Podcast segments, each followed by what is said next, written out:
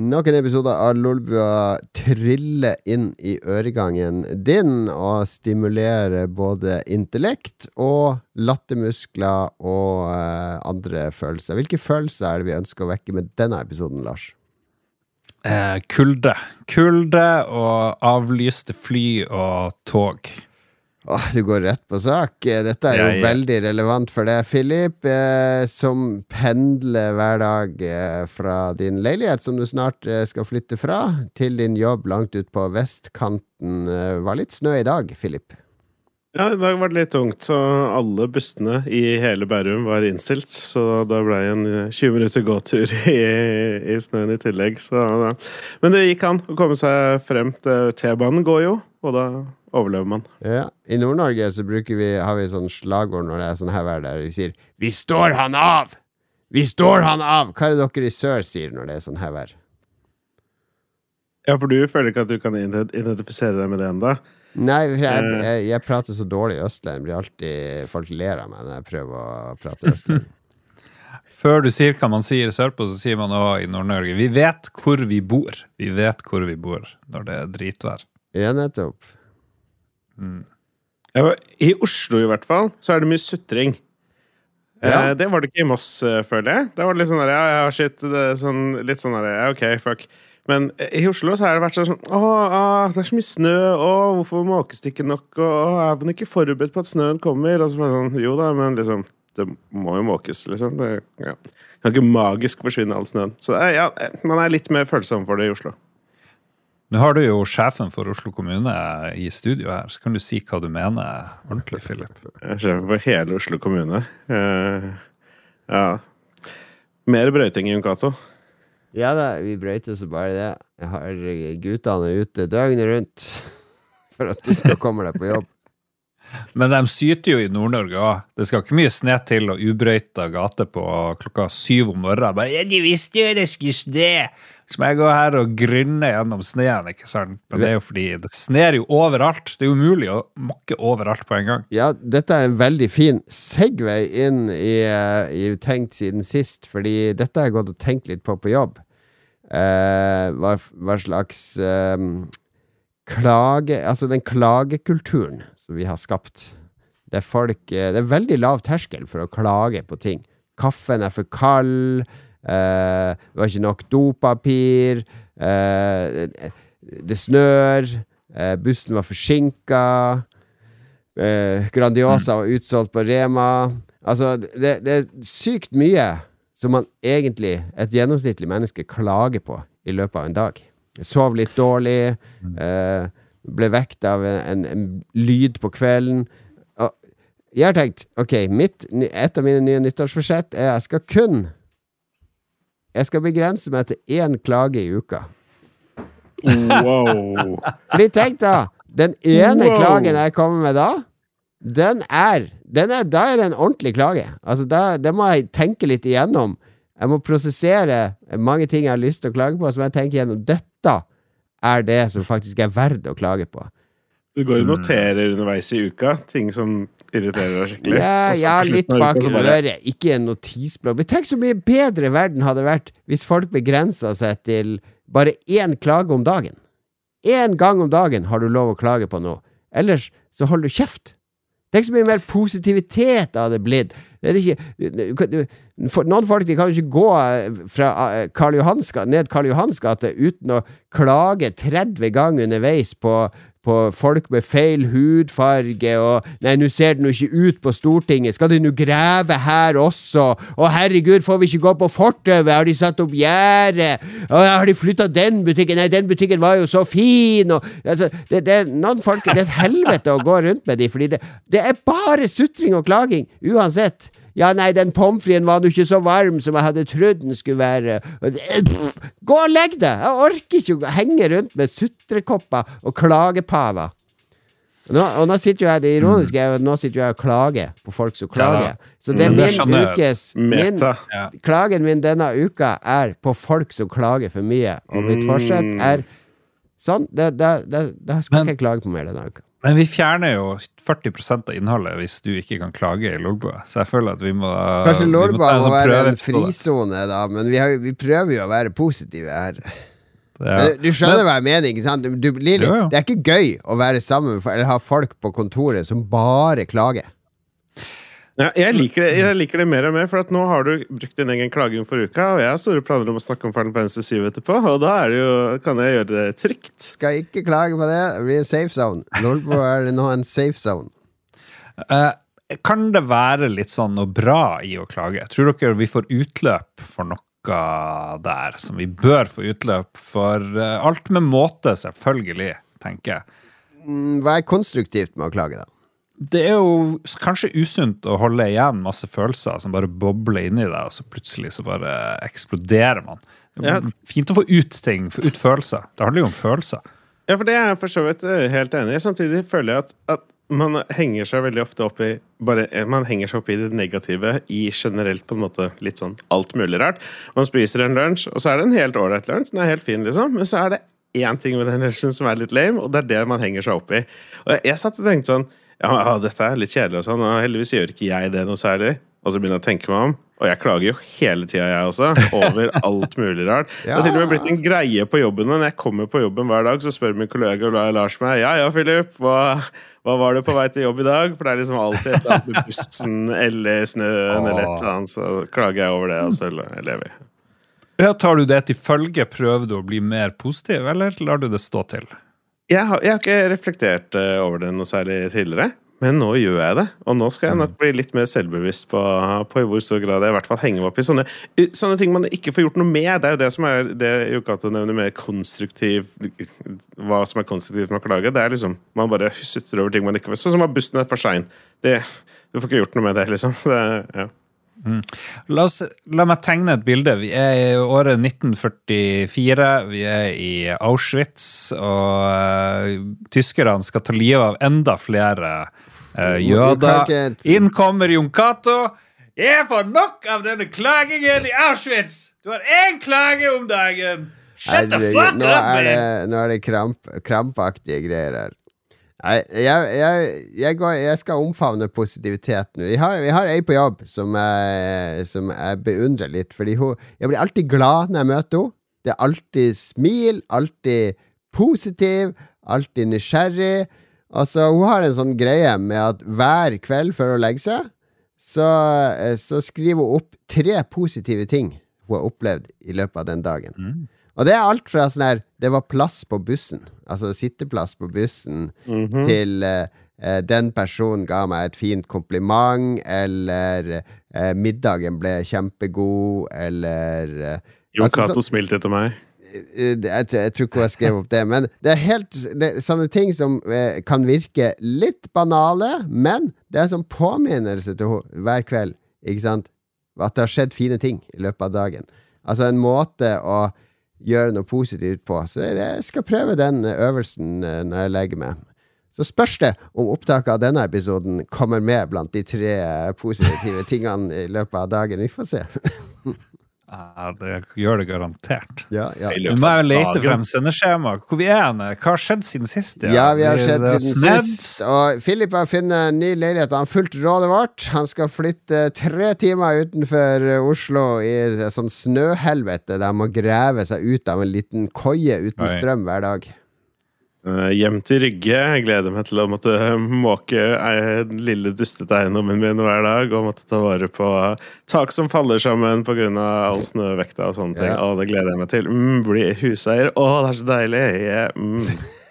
Huseier, du må fortelle. Jeg er jo ikke i the loop her. Nei, jeg, nei, jeg skal jo ikke det. Jeg, jeg bare Jeg er litt av den oppfatning at det å leie ikke er så veldig dumt. Det kommer selvfølgelig an på hvilke hvilke, eh, eh, hvordan renter og sånn man får på et eventuelt lån, og hvor mye egenkapital man har. Men jeg er jo da på utkikk etter et nytt sted å bo, siden denne leiligheten som jeg sitter i nå. Der har jeg eller jeg bodd en stund nå, men eh, hun flytta ut nå i helga. Og det var kjempegøy med flytting, og det er så gøy å bære og løfte. Eh, og så Det slipper du hvis du eier, vet du, for da trenger du aldri mer å flytte. Ja, ikke sant? Da trenger du, da har du aldri mer fleksibiliteten til å velge deg et nytt sted å bo. Å, så deilig! Mm. Eh, men vi har denne leiligheten ut til 1. mars, Ja. så jeg skal da finne et nytt sted innen det. Og jeg har Jeg vet ikke om jeg har fortalt dette her, men min lillebror, tre år yngre enn meg, han og hans samboer, som nå har kjent hverandre han, i ett år. eh, vet, jeg har aldri hørt at du har en Er det han lille Philip? ja. Uh, Peter. Ah. Eh, tre år yngre. Eh, han ja, møtte en jente sånn rundt nyttår i fjor. La la. Og nå, i begynnelsen av mars, så er det termin på deres baby. Du skal som bli betyr- onkel? Onkel Jeg skal bli onkel i! Uh. Og jeg gleder meg så utrolig mye. Da må du for guds skyld ikke finne en leilighet med ekstra soverom, så at du blir stuck med å være eh, eh, han, Ungen kan bare sove hos deg, være litt barnevakt. Jeg kan sove på sofaen. Det går fint. Å ja. Jeg, jeg bring him to me. Nei, jente, da. Jo, Ja, mm. ja. Navn som begynner på P, men jeg får ikke lov til å si hva det er. Så jeg skal ikke si det her. Mm. Um, Pauline. Petra. jeg, kan, jeg kan ikke bekrefte eller avkrefte noe. og Eh, men det jeg da gjorde for å finne et sted å bo, var jo at jeg gikk på Jeg gjorde, ja, jeg la ut en annonse på Finn. Pålitelig og forutsigbar mann, 38 år. Og så en annonse om meg selv, og at jeg trengte et nytt sted å bo. Og jeg fikk så utrolig mange meldinger fra folk som hadde lyst til at jeg skulle leie leiligheten deres. Jeg har fått 40 meldinger fra forskjellige folk. Jeg, jeg har ikke tid Fra noen sånne der opp engang. eh, 60 år gamle enke og sånn uh, 'Unge mann, du kan få bo hos meg mot noen tjenester'. Det er bare 20% av de som er det, og det Ja. andre er folk som faktisk vil leie ut leilighetene sine. Ja. Eh, Så det er et kjempebra marked i Oslo eh, for oss som vil leie leilighet. Eh, Men jeg vil jo helst bo nærme denne nye niesen min.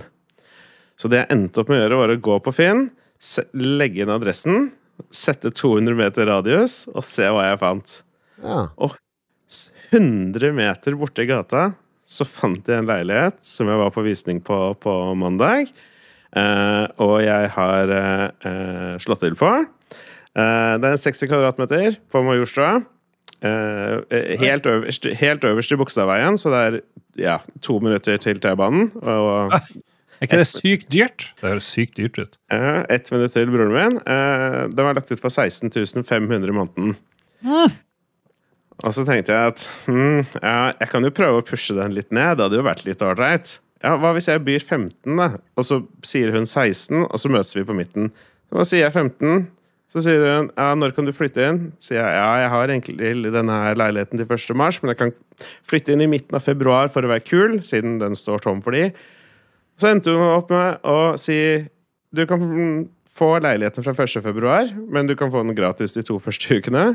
Og du kan få en husleie på 15 000, som bare var det jeg foreslo i utgangspunktet. Shit. Herregud, for en pruter! Herregud, du klarte det kastet der. Med barter-skillen din. eh. Ser for meg, du sto sånn her med hendene dine. Jamen, hva om jeg gjør sånn? Eller sånn? Eller sånn?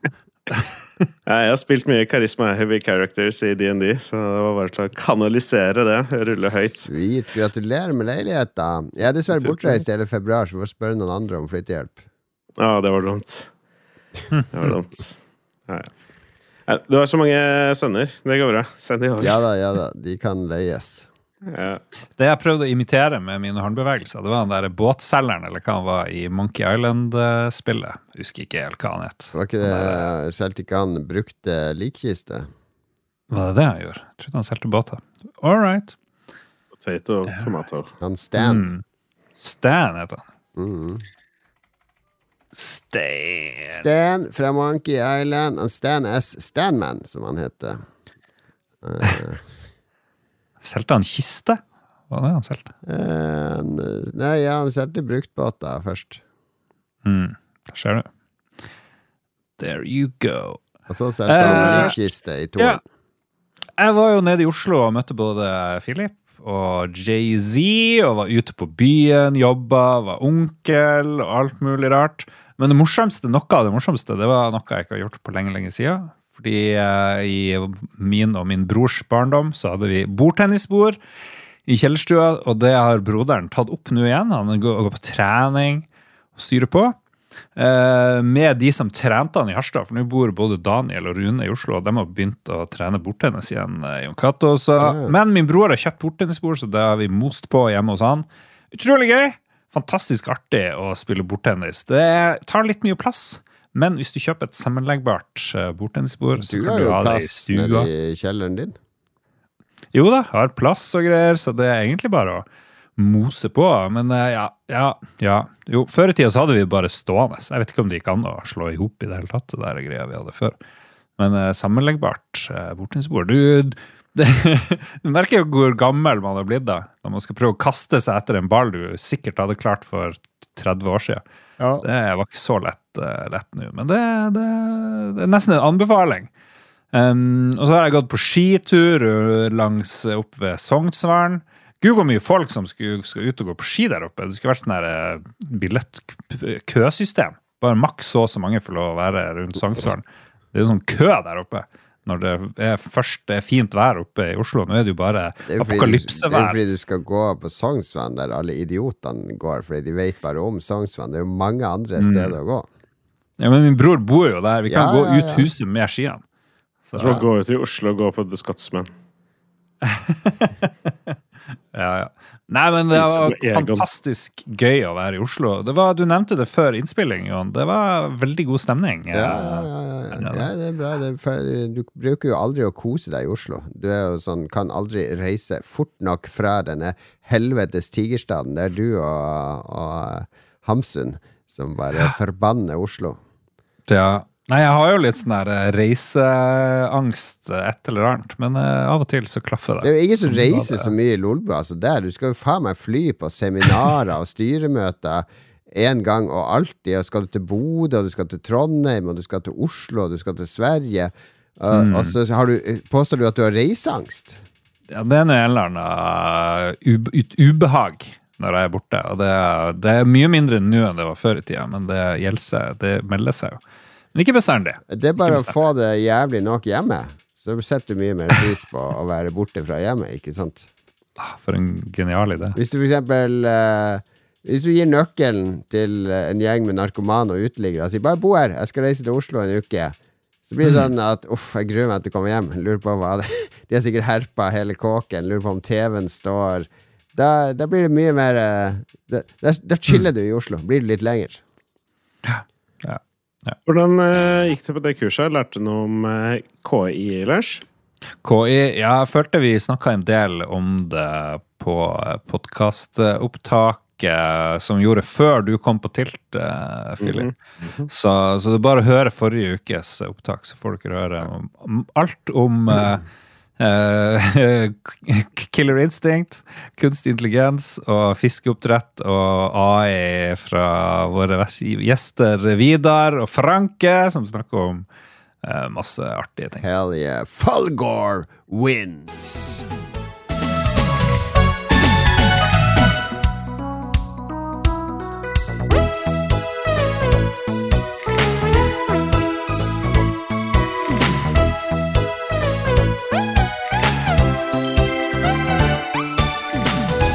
Er jo umulig å gjette spill basert på den obskure musikken. Nå har jeg bare klikka litt random på Videogame, musikk, biblioteket her. Men klarer dere å gjette sjanger? Det går ofte an ut fra musikken.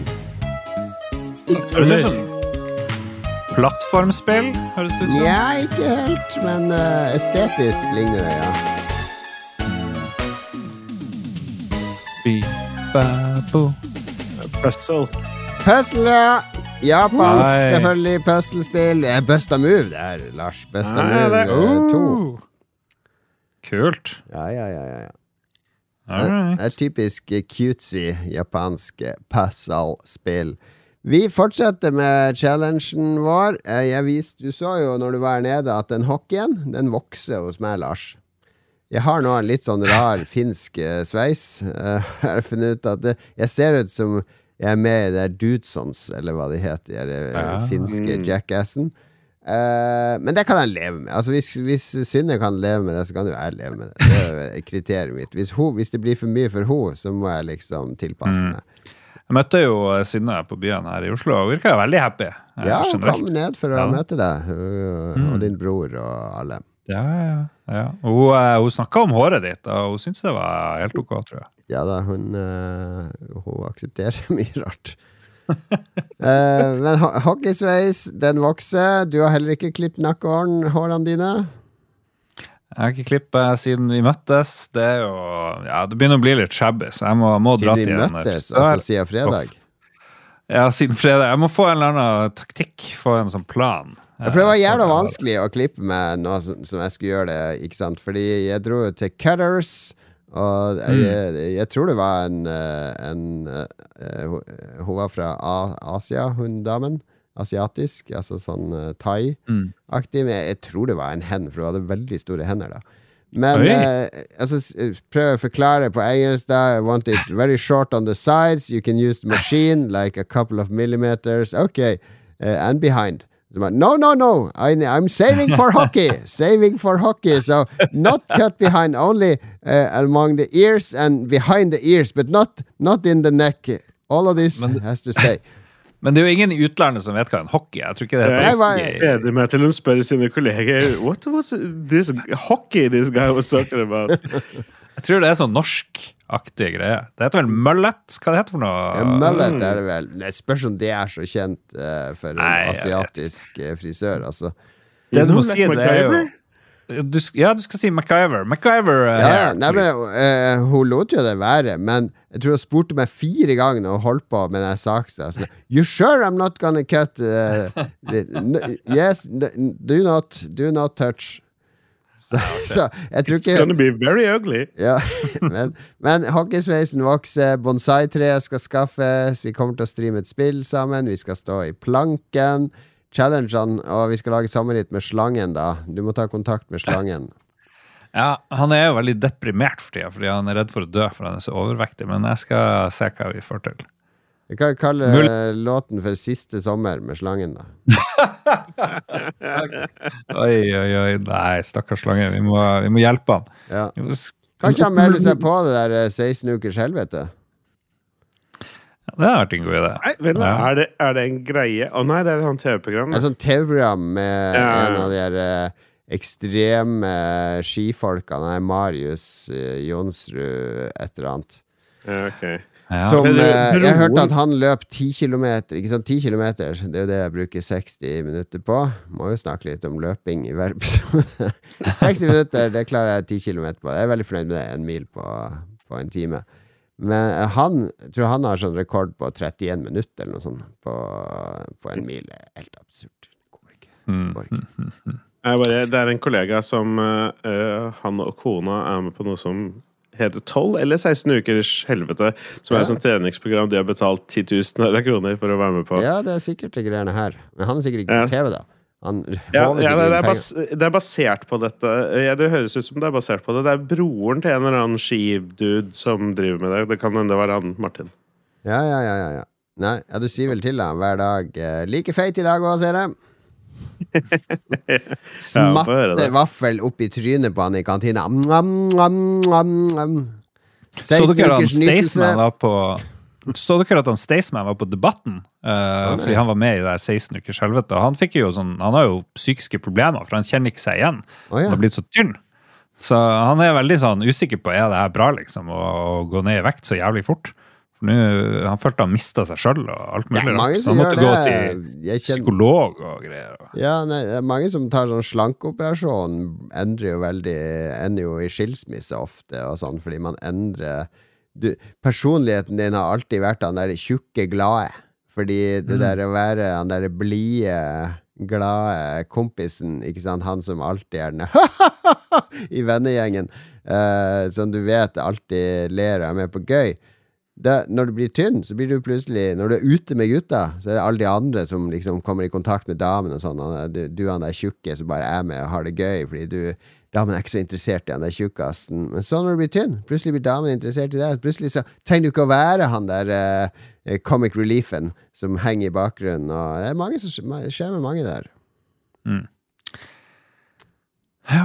Beklager min rant. Men ja, uh, ny uh, challenge. Og min nye challenge er rett og slett at uh, spillklubben vekkes til liv igjen. Og frem til sommeren så skal vi kjøre spillklubben, Lars. Oi, endelig. Ja, spillklubben betyr jo at vi må spille et spill hver i uka. Altså, vi spiller det eh, ikke samtidig, vi spiller det hver for oss, men så diskuterer vi spillet uka etter, ikke sant. Så vi må prøve å legge eh, en time eller to eller tre inn i det spillet, i hvert fall, så at vi har et grunnlag å snakke om. Og jeg har valgt Jeg har en hel liste med spill nå. Fordi det jeg har gjort, er gått gjennom eh, Edge Magazine sin, sine awards. Og de har Ja. delt ut mange priser til mye rart som jeg ikke har spilt i fjor. Eh, spill som eh, Chance of Senar, Planet of Lana, Lias Horizon. Det er laga av de som lagde Alto, det der eh, det Ah. mobilspillet, ikke sant? Eh, Finity, The Invincible, eh, Birth, Videoverse Det er mye rare indiespill som de har eh, gitt litt sånn utmerkelser til. Og tenker jeg, Dette er en utmerket anledning for oss til å spille relativt ferske eh, spill som skal ha en viss kvalitet, og diskutere sammen med lytterne våre. For det gøye med denne spalten er jo at vi inviterer dere lyttere òg til å spille disse spillene eh, nå, fram mot neste episode. Og så kan dere sende inn eh, kommentarer som vi leser opp, eller enda bedre lydklipp der dere eh, deler deres meninger om spillet. Ja, det har vi hatt suksess med. Ja, bok, eh, det er som, som en bokklubb, ikke sant. Så nå er spillklubben i live. Vi har en spillklubbkanal på discorden vår. Vi vekker den til live der, annonserer spillet der. Første spill ut, det er et spill som heter Chance of Senar. E S-E-N-N-A-A-R. Fås til en hel haug med, med plattformer. Og har vunnet en hel haug med priser òg. Det kom i fjor. Eh, I september i fjor. Et veldig vakkert, sånn der uh, fransk tegneserieaktig stil. Uh, der du er en reiser som, som, som ikke klarer å kommunisere med andre karakterer. Så du må observere, lytte og desifrere eldgamle språk i et eh, fascinerende univers inspirert av mytologien rundt Babels tårn. Ok, Spennende. Ja, Det ser veldig jeg er ut. Ser veldig kult ut. Dette klarer vi, Lars. Ja, ja, ja, ja, ja. Vi er jo eksperter i å starte nye, nye spalter som overraskende nok kommer tilbake igjen og igjen. Ja, Enten man vil eller ikke. Det er mange lyttere som er veldig fornøyde nå. Spillklubben var en, eh, Ja, det en tror jeg. favoritt for mange. Jeg, jeg. håper på et bidrag fra Fettesten. Han var jo en fast Mm. bidragsyter, vår venn eh, Trygve. Og jeg ser på Steam her, eh, en av eh, anmeldelsene her I am an archaeologist in real life. Uh, uh, this game reminded me of my love for my profession. Så det får gode skussmål her. Cool, cool, cool. Cool. Chance of Sanar. Ja, sleng dere med, lyttere. Uh, spill dette spillet. Gjør dere opp noen tanker om det. Del det gjerne med oss, og så får dere høre hva vi tenker om det neste uke, når vi har pløyd igjennom Chance of Senar.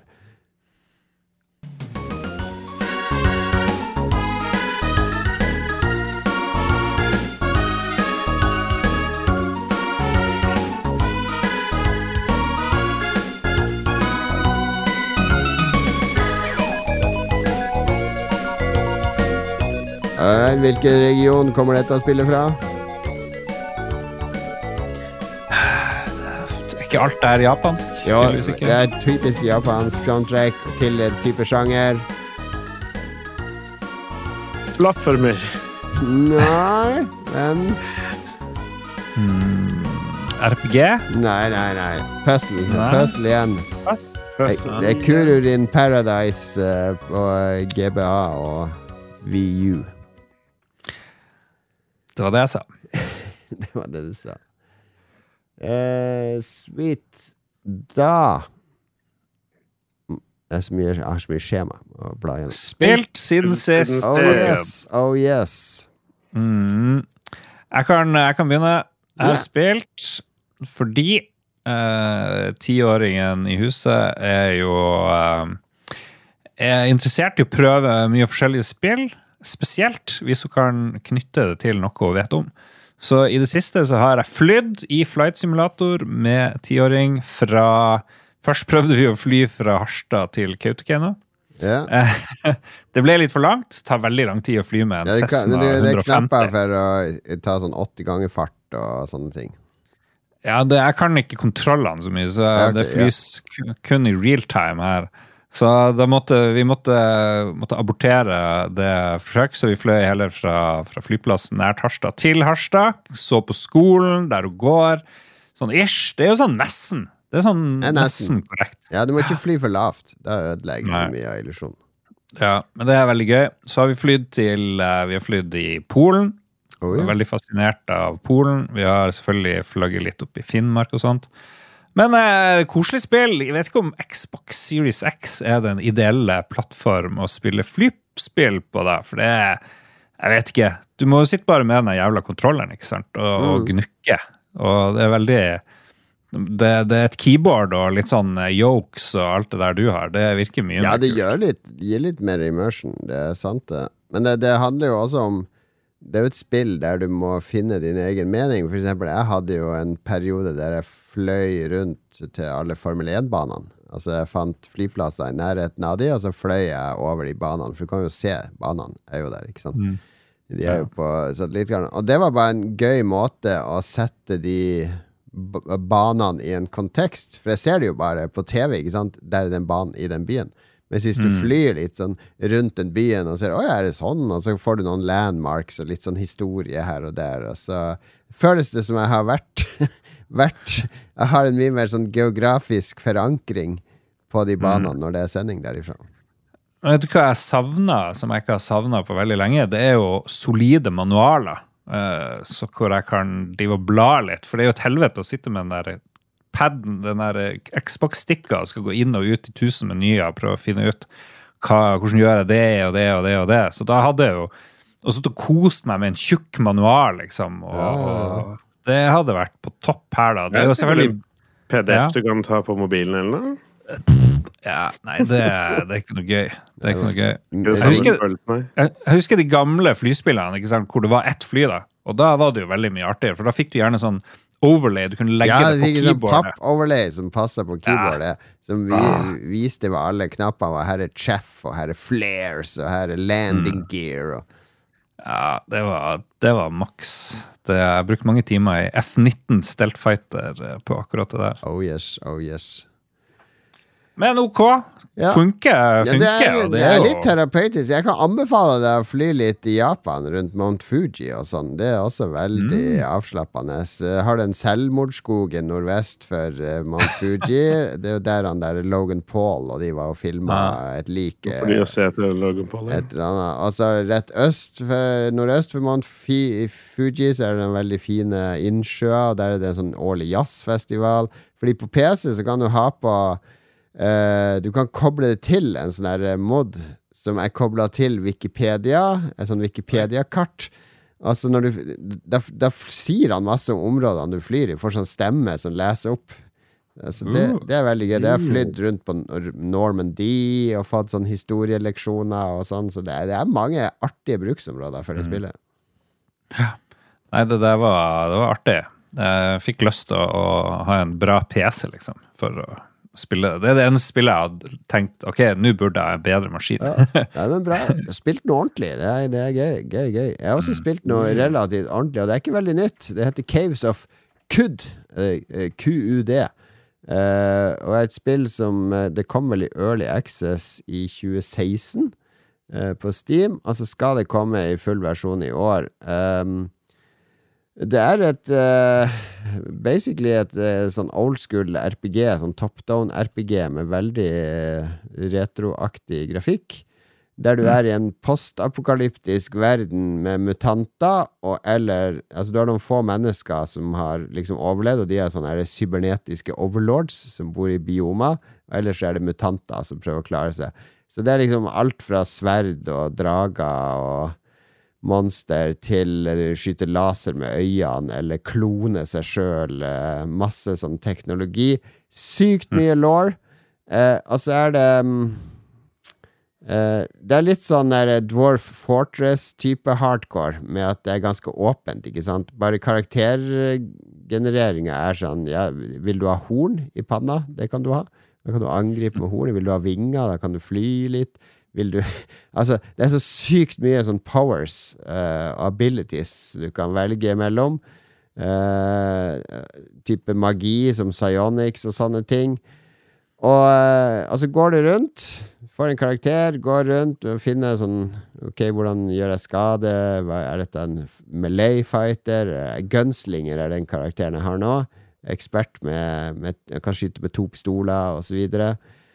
Går rundt. De her, de her menyene ser ut som de driver og styrer i biosen på en PC. Ja, det er litt, det er litt den stilen. Det er sånn der eh, 80-90-talls PC-stil. Ja. Ja, for når du, når du sier at det er en old school RPG-stil, så er det 8-bit vi snakker her, liksom. Ja, det er gjerne på 8-bits-nivå, men det er veldig eh, Du lærer deg Det er akkurat som Dwarf Fortress, ikke sant? Det hadde jo også en sånn her estetikk. Det er litt derfor jeg sammenligner med det. Men det er relativt hardcore, det her, ikke sant? For det er ikke et spill som holder deg veldig mye i hånda. Så du må vurdere ting hele tida. Du kan daue jævla fort, og det er selvfølgelig permadeath. Så da må du lage en ny karakter på level 1 igjen, hvis du dauer. Men de kunst... Altså det som er at verdenskartet er statisk. Altså de tingene, områdene, er der de er. Men uh, når du går til et område på verdenskartet, så blir det til et større minikart som du kan utforske. Og det er generert hver gang. Så det kan være ruiner, kan være andre steder. Du får quests, og noen av disse questene er sånn der eh, eh, har de spillskaperne laga. Det er en haug med sånne her, eh, quests som er der for alle, som alle kan gjøre. Og så er det en masse genererte quests òg. Og alle disse byr på ulik law. Og jo mer du spiller, jo mer lærer du om verden og hvordan den henger sammen. Og, og du blir flinkere og flinkere. Det er litt noe sånn Dark Souls-aktig. Du blir flinkere og flinkere av å lære deg verden og fiendetyper og hva som er farlig, og hva man bør være obs på. Så er det sånn sykt at Går du i Vasser du over en elv, så blir du våt, ikke sant? Er, du, er det veldig kaldt, så tar jo du skade fordi du er våt. Med mindre du har en ability som gjør at du kan tenne fyr på deg sjøl og varme deg opp. Og, altså, det, det er helt uendelig mange muligheter i det spillet, da, i forhold til hva slags karakter du har, og hvordan du utvikler det. Herre min hatt. Så- Men jeg har en tendens ikke sant, til å bli veldig fascinert av disse komplekse spillene, sånn som Stellaris og Dwarf Fortress, og så har jeg en veldig sånn frykt for at jeg ikke skjønner helt hva det handler om. Og så går jeg inn i det veldig sånn all in i en liten periode, og så kommer jeg til et nivå der nå skjønner jeg det. Og det er der de fleste andre Det er sånn etter 20 timer, 30 timer kanskje. Det er der de fleste andre skjønner ah, det- Nå begynner jeg å skjønne hvordan det henger sammen. La meg bruke 2000 timer til, sånn at jeg mestrer dette. Og det er det som er utfordringa mi, for nå er jeg på det stadiet at hvis jeg skal spille mer nå, så er det for å mestre det, og det klarer jeg nesten ikke å gjøre med noen spill. Jo, det er jo et problem du har. Du klarer ikke å mestre noen spill. Ja, nei, det, det er ja, men Akkurat nå så koser jeg meg skikkelig når jeg driver og spiller rundt. Men jeg, jeg føler på meg at når den karakteren min som jeg har nå, for nå har jeg fått en karakter på ganske høy level Hvis han dauer jeg skal begynne på nytt, så er det sånn ja, Jeg tror faktisk jeg skal lage en karakter til som er veldig annerledes, bare for å prøve en helt annen spillestil osv. Men for å snu det på hodet, kan det ha noe med at når mystikken er borte, da, da mister du litt Det, det er en sånn ska, senskade fra anmeldertida med at når jeg har spilt ting nok til å forstå hvordan det henger sammen, hva visjonen er, hva opplevelsen gjør med meg, så er det liksom Da må jeg move on til neste. Ja. Jo, jeg kan kjenne igjen det, altså. Mm. Kan det. Ja, nei, men Case of Kud Jeg anbefaler det skikkelig. Altså. Det er et ordentlig kosespill. Det eneste negative jeg egentlig har å si, Det er at uh, du styrer alt med numpaden på PC. Det er lagt opp til at du skal ha Oi. numpad på tastaturet ditt, og det har jo ikke jeg på det vanlige tastaturet mitt, så jeg måtte grave fram et sånn gammel Logitech-tastatur. Hvis du ikke har numpad, så får du ikke gå på skrå, ikke sant? For det er 7, 8, 9. Altså 7 er nordvest, 9 er nordøst, 8 er nord. Så, så du blir veldig hemma i forhold til bevegelser og angrep og sånne ting. Så jeg du kan ikke mappe det på noen andre knapper eller noe som helst? Alle knapper er mappa til et eller annet. Det, det, Ok. så, da, da må det bli en sånn enorm remapping. Og så kan du spille med, med, med game eller en kontroller òg, da, men det føles helt weird. Fordi det så, du må hele tida bruke pluss og minus og andre knapper på tastaturet. Eh, jeg måtte jo se video av det her eh, spillet. Du har snakka om Caves of Cud, og videoen som ble anbefalt etter at jeg så det, det var Return to Castle Monkeyball. Ah, herregud. Det er noen som putter monkeyball i Castle Wolfenstein. Det må jeg si. Ja, ja. Det var bare et apropos. Ja, men det er, det er sånn veldig emergent narrativspill, ikke sant? Den ene anmeldelsen som er, er I drank some soup and grew a second head. I stabbed a pope with a syringe and he fell in love with me. altså, det er, det er veldig mye rart. Det er ekstremt mye eh, som spillets systemer kan eh, generere av historier. Ja. Mm. Bra. Philip! Ja, nei, jeg spoila det jo litt tidligere. Og 2024 er jo year of Final Fantasy 7. Vi får jo rebirth nå om bare 40 dager, og Jon Cato Lars, jeg er så nervøs. Jeg, jeg har jo dette religiøse forholdet til originalen, eh, og det som har skjedd, er at jeg har begynt å spille remake på nytt igjen. For da jeg denne første delen i den nye Final Fantasy 7-trilogien eh, Jeg spilte det første gang da for tre, snart fire år siden, da det kom ut på denne 24-timersstreamen.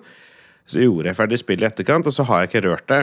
Eh, men det har jo kommet en Steam-versjon, og den ser jo kjempefin ut, og masse greier, så jeg tenkte ja, da kjører jeg gjennom det, og så streamer jeg det sånn i på liksom bygget opp mot, uh, mot Rebirth-utgivelsen. Og når jeg spiller det nå, så legger jeg merke til så mange ting som jeg misliker, som jeg på en måte jeg klarte ikke å sette fingeren på det da jeg spilte gjennom første gangen, for det er utrolig mange superhype moment for en fan. Liksom. De eh, kiler masse på nostalgigreiene og sånne ting. Men jeg satt på en måte med en litt sånn merkelig følelse av at det er, det er noe som er litt sånn semigalt, og jeg trodde det bare var fordi det ikke var nøyaktig det jeg ville ha. At det var en, en, bare en oppdatering av originalen. Men det, det handler mer om eh, om, ja, om, detaljer som på en måte ødelegger verden. Og nå sitter jeg og driver og skriver på et lite essay. Fordi Et lite må, essay? Det er en ny side av Philip her. Jeg føler jeg må få utløp for det på en eller annen mm. måte. Og, um, Hvorfor jeg, jeg ikke kåseri? Ja, kanskje noe sånt. ja. um, jeg vet ikke om det blir en tekst, jeg vet ikke om det blir en, no, at jeg spiller inn noe lyd, eller om jeg lager noe video av det. Jeg vet ikke, men jeg har lyst til å gjøre et eller annet med det. Uh, og det, det er sånne ting som det at vi i remaken så møter man Sephiroth veldig tidlig, som er å ja, det er annerledes og sånne ting. Og så er det kult at han dukker opp, men så føles det så merkelig. Og det er jo eh, eh, liksom, Skjønner jeg mer nå at det handler om det som gjorde han kul i utgangspunktet, som var denne gradvise oppbyggingen og den ekstreme payoffen over utrolig lang tid, som på en måte nå dukker opp i løpet av den første halvannen timen. Mm. Eh, Eh, fra det til hvordan Midgard, slummen i Midgard var i originalen beskrevet som en sånn mørkt sted som aldri fikk sollys fordi den var under denne plata.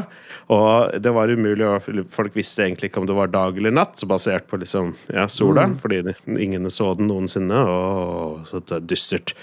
Det var kult. Og i remaken så bare er det masse sol. Og hele slummen er egentlig liksom ganske sånn chill sted. Folk løper rundt i liksom sånn ålreite klær, og hele den Honeybee Inn-greia er jo dritluksus og megafett, liksom. Og jeg føler at det liksom bare ødelegger den viben hele originalen skapte rundt slummen i Midgard, og da føles det på en helt annen måte, da. Som jeg mener er dårligere. Men det er jo ikke en remake, det er en remaster. Og i, i, ordet remaster så betyr det jo at vi, vi, skal ta oss friheten til å gjøre om på noen ting. Ja, og det syns jeg er kjempe, kjempegøy. At de bygger ut universet. Og det er mange ting fra Final Fantasy som eh, de kunne bygd ut, som, som, de også gjør. F.eks. hvordan du blir mye bedre kjent med Avalanche-gjengen sånn underveis i spillet. Det er en veldig kul forandring som de gjorde, som jeg liker veldig godt. Ja. Eh, problemet er at det er en del av disse forandringene som ødelegger aspekter ved på en måte eh, eh, tematikken i originalen, som liv og død, lys og mørke, disse tingene som var mye tydeligere, dette gamle polygonhelvete fra 1997, enn i dette megafancy greiene nå. Det blir vel en helt annen type tematikk, på en måte. Det er, og, det, og det henger ikke sammen engang. Det ser fet ut, og det er kult, men Eh, det maker egentlig ikke sånn kjempesens, men dette kan vi komme tilbake til i essayet. Jesus lord. Nerding. Så bra. Det, det er jo det, Jeg syns det er vakkert når eh, Philip går så dypt inn i det her. Og det berører følelser. Du blir oppriktig litt sånn Kanskje først var du forvirra, så har du måttet bearbeide det, og så har du, og nå er du litt sånn nå er du lei deg. Det er sånne stages of Final Fantasy grief eh, du er gjennom her. Så jeg lurer, og så har du kommet til essay-stadiet. Det er jo ganske unikt, da. Når ringer der, det er uh, regissøren for Final Fantasy 7-remaken, uh, Philip, som lurer på om uh, Hva er det du sier? Huh? Uh, ok. Eh, nei, han, han, eh, de, de driver og skal endre litt på Tifa i remasteren, så de gir deg et dilemma her. Brystreduksjon på Tifa, eller at du klipper håret kort? Eh, klippe håret kort. Ja, det passa storyen. Det får det til på en måte. Sett kjempefin Da blir det korthåra Tifa i uh, nye Hva heter det nye som kommer? Remaster part 2? eller? Rebirth. Rebirth. Se essayet Philip driver og deler her. Eh, 60 sider? 60 sider? 61, ja. Mm. så bra. Dette er jo Oi. genialt. Dette må vi få utgitt på et vis. Skal vi kalle det et uh, manifest? Der står det eller det handjob. et- Final Fantasy 7-manifestet. Ja, det er ikke ferdig. Det er mye som må, mye som må gjøres igjen. Men uh, ja, nei. nei jeg, jeg har noe på hjertet er, nå er du, du nærmer deg Tim Rogers her, ikke sant? I, uh, i uh, det, det, På grensen til galskap, detaljnivå. Jeg har vært innom igjen den artikkelen han skrev, hvor han detaljoversatte masse Final Fantasy 7-ting som ble missa i oversettelse. Sånn. Åh, fan- fantastisk fyr.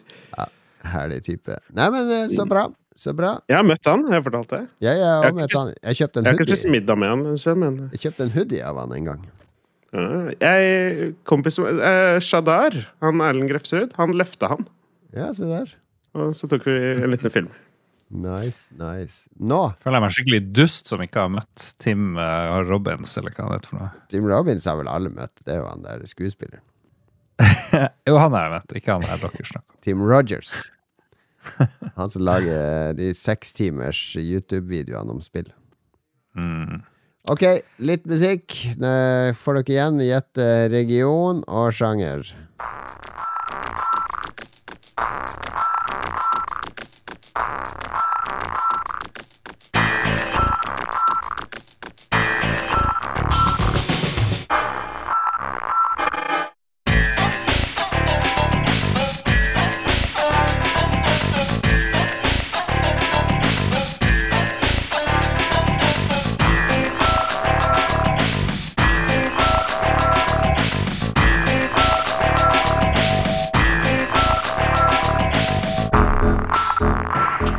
Veldig fet låt, faktisk.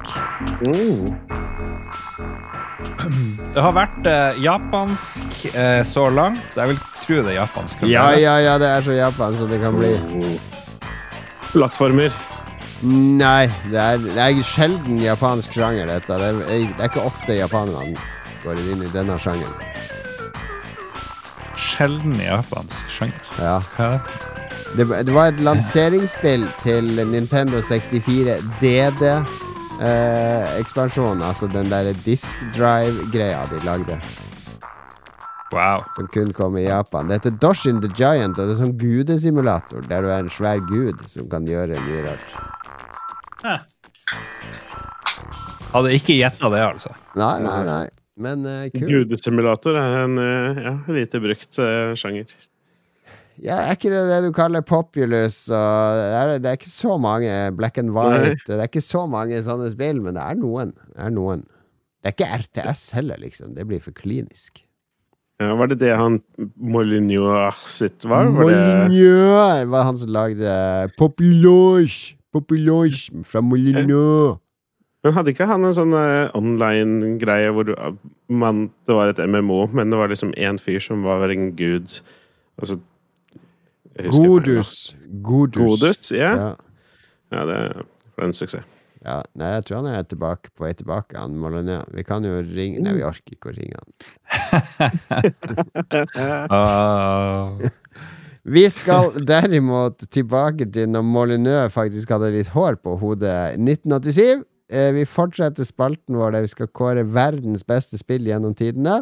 Eh, Ved å gå gjennom måned for måned i spillhistorien og finne det beste spillet hver måned, for så å kåre det beste spillet hvert år, som så blir da til det beste spillet hvert tiår, som så blir da en duell for å kåre det beste spillet gjennom tidene.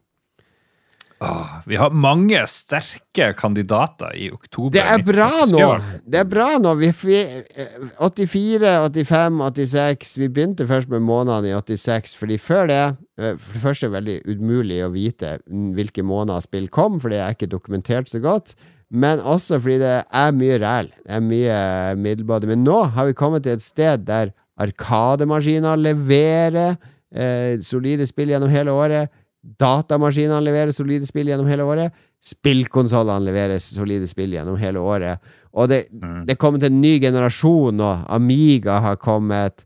Eh, Super Nintendo er rett rundt hjørnet. Altså, vi, vi er på terskelen av kvalitetsspill etter kvalitetsspill, og det ser vi.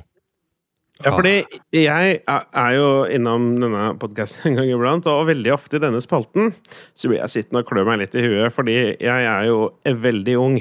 Ja. Så så disse, mange av de spillene jeg ikke kan forholde meg til. det. Men her 1987 oktober, jeg var ikke så gammel nok, men disse spillene har jeg jo hørt om. Ja, jeg kjenner jo til de, flere av de, liksom. Ja, det, det er litt fordi vi er på vei ut av Commodore 64-bunkersen, for der har vi vært nå ganske lenge. For der var det høy produksjon, mye kvalitet, men mye av det er jo obskurt.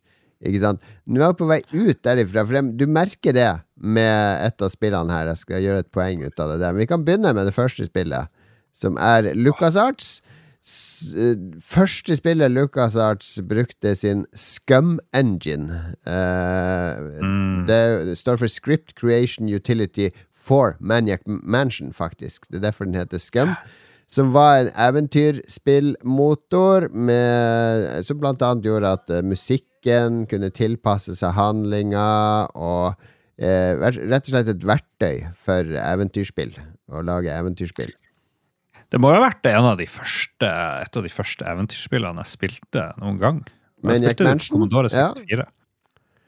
64. Ja, fordi, Ah, I hvert fall PK Klikk. Det var jo det første ordentlige PK Klikk-spillet. Ja, eh, Kings Quest og sånne ting kom eh, litt før dette. Vi skal, det er et eventyrspill til, spill til Ja. denne måneden som vi også skal snakke om. Men Sierra Online var vel de som du kan si eh, eh, lanserte konseptet okay, ok. eh, Men, pek-og-klikk. men, det, Men, men Ron Gilbert han introduserte i hvert fall det her med du, kunne, du hadde verb. Så Ja, kunne du liksom jeg. på pick up, push, og så trykke på her og der. Det er litt av problemet at han hadde tre, seks, ni 12, 15 ulike verb. Det var litt for mange verb, men Ja, ok. Det var kult for det. Turn on og turn off. Fix. Og så videre. Fiks. Kom igjen! Kom igjen. Ja. Eh, Angående det, det, det er en ting jeg alltid har lurt på. Hvorfor har jeg ikke spurt dere om dette før? Det er en film av Tom Hanks som heter Big, hvor han blir Ja. stor i fra 80-tallet. Og så spiller han, han spiller sånn spill på PC-en sin, hvor han det ser som han, eh, det virker som han trykker inn på en måte skriver på tastaturet hva han vil gjøre. Type sånn Give sword, enter. Ja. Er, er det en ekte ting? Ja, det var det, det, er, det er artig at du spør, ikke sant? Fordi grunnen til at hvis du ser på skjermbildet fra Maniac Mansion, så er det jo handlinga øverst visuelt, og så er det masse verb under, ikke sant? Så du må trykke på push, og så må du trykke på en, sånn, en stein der oppe, og så er det push rock, ikke sant? Og det er jo, dette er en gradvis overgang fra teksteventyrene, der du skrev disse tingene, og gjerne de hardcore teksteventyrene som bare var tekst der du får en beskrivelse, så skriver du OK, open drawer. Inside the drawer you see a gun. Ah, skriver du get gun. You pick up the Altså, altså skriver du examine gun. It seems to be loaded. There's only one bullet in it. Og, altså, det, det var sånn du satt og interagerte med spillet, som en dialog. Som, som tidlig ChatGPT. Det er sånn vi sitter og interagerer med AI-er nå. Men det var jo ingen AI bak her. Det var veldig lite intelligent, fordi Veldig ofte når vi skrev ting, så ble det sånn I don't understand. I don't understand. Fordi du, Ja, du for, for hvor mange liksom, inputs hadde den, på en måte? den hadde et begrensa antall verb den skjønte, Altså, så ofte ble det veldig obskurt uh, hva du skulle gjøre. For eksempel put, uh, put bucket on head, fordi du skulle beskytte deg mot en stein. Hvis du gikk inn i neste rom uten bøtte på hodet, så fikk du en stein i hodet og døde. Altså, så, um, ja, så skal jeg løse det? Jeg har en bøtte. Jeg putter den på hodet. Og hvis du skrev liksom den der eh, Kanskje måtte du skrive 'wear bucket'. Da funka det. Det skjønte han. Hvis du skrev 'put bucket on head', så er det sånn 'I don't understand'. Eller, ja, så det, det var De spillene handla veldig mye om å eh, slåss med ordforrådet til spillet, ikke sant? Men så Game within a game. ja, ja. Så har du Det eh, Ron Gilbert gjør her, er jo at han tar de mest vanlige verbene, og da er det plutselig begrensa, han jo interaksjonen, for alt står på skjermen, det du kan gjøre, ikke sant, nå. Det er ikke noe sånn her eh, obskur, eh, et ord du ikke kan, eller at du skriver eh, put on i stedet for where, som gjør at du ikke får gjort det du skal, fordi alt står forklart på skjermen. Så det er en sånn glidende overgang fra tekst til eh, tekst, og eh, eventyr eh, der oppe der du kan klikke og se karakterer bevege seg rundt og sånn. Og så blir det en, mer og mer en overgang ikke sant, til at de tar bort disse verbene. Eh, I en periode så det, det ble det symboler, ikke sant? Så ble det bare sånn helt basic symboler take og, og push og sånne ting.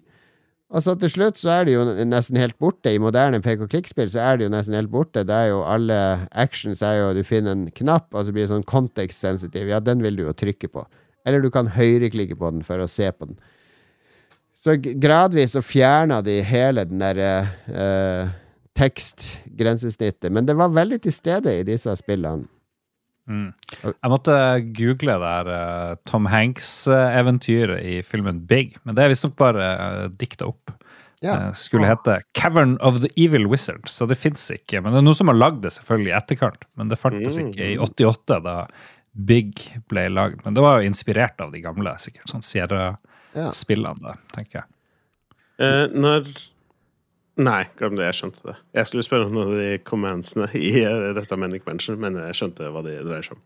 Men uh, han, eh, Ron Gilbert han klarte jo å, å, å, eh, å omvende og revolusjonere hele pek-og-klikk-sjangeren, da. Eller Ja, i stor fordi, grad eh, lagde den. Ja, for Det må jo være en mye bedre måte å gjøre det på dette. her. Da har han muligheten til å liksom lage mye mer komplekse på en måte ting, siden man har på en måte en mye mer strukturert og forutsigbar Blir mer tilgjengelig, i hvert fall, for Mm. folk.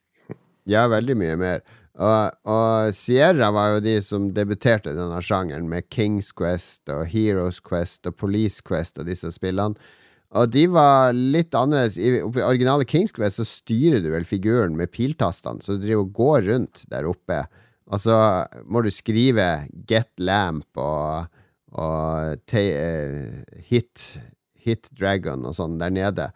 Så det var ikke sånn ekte pek-og-klikk. Det var grafiske eventyr med sånn interaksjon der du beveger deg rundt eh, på en skjerm. Så uh, LucasArts og, og Ron Gilbert tok det jo et tak videre. Vi, du trenger ikke å skrive her. Bare klikk på uh, interaksjonsknappene og hva du vil interagere med. Og det herma jo Sierra etter med en gang. Men en annen stor forskjell på LucasArts sine eventyrspill og Sierra sine, var at Sierra sine var jo notorisk for å være nådeløse. Du måtte save manuelt hele tida. Hvis du uh, gikk litt feil her og, falt i havet, så er du død. Ja, nei, du gikk for nært den krokodillen, den drepte deg. Og Lucasfilm kødda jo litt med det, fordi det uh, Jeg husker ikke hvordan det var i Maniac Mansion, men i Monkey Island så kan du jo ikke dø, for eksempel.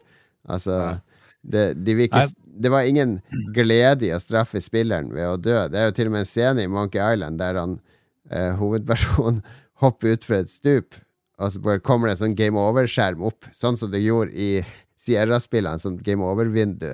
Og så bare Nei, vi bare kødder. Så kommer han flygende opp igjen. Ja. Det, var, det var litt hardcore i Maniac Mansion, fordi du kunne, hvis du brukte opp en mynt, eller jeg husker ikke hva det var Ja. Det var sånn, Noen av de første spillene, Zack McCracken òg, så kunne du liksom ødelegge for deg sjøl. For du kom til et punkt senere i spillet, og så har du brukt opp et objekt du egentlig trengte senere, og så kommer du deg ikke videre. Det er litt, det er litt bittert, men det, det ordna dem jo etter hvert, at du ikke kunne gjøre ak akkurat det. Men eh, et godt eksempel på, på hvordan Sierra gjorde det, det er jo Leisure Suit Larry, som kom ut omtrent akkurat samtidig. Ja, vi kommer til det. Så vi skal gjøre oss ferdig med Maniac Mansion. Det er første spillet med Scum-motoren. Det er liksom spydspissen for en lang rekke LucasArts-klassikere, inkludert Monkey Island, Sam og Max, Stay of the Tentacle, Tim Shafer han jobba vel som playtester på Nes-versjonen av Maniac Mansion før han fikk avansere til å være med å lage spillene. Så et viktig spill i spillhistorien. Absolutt. En sterk utfordrer for oktober 87, spør du meg. Ja, Vi hører på litt eh, Maniac Mansion-musikk like godt. Her fra Commodore 64-versjonen.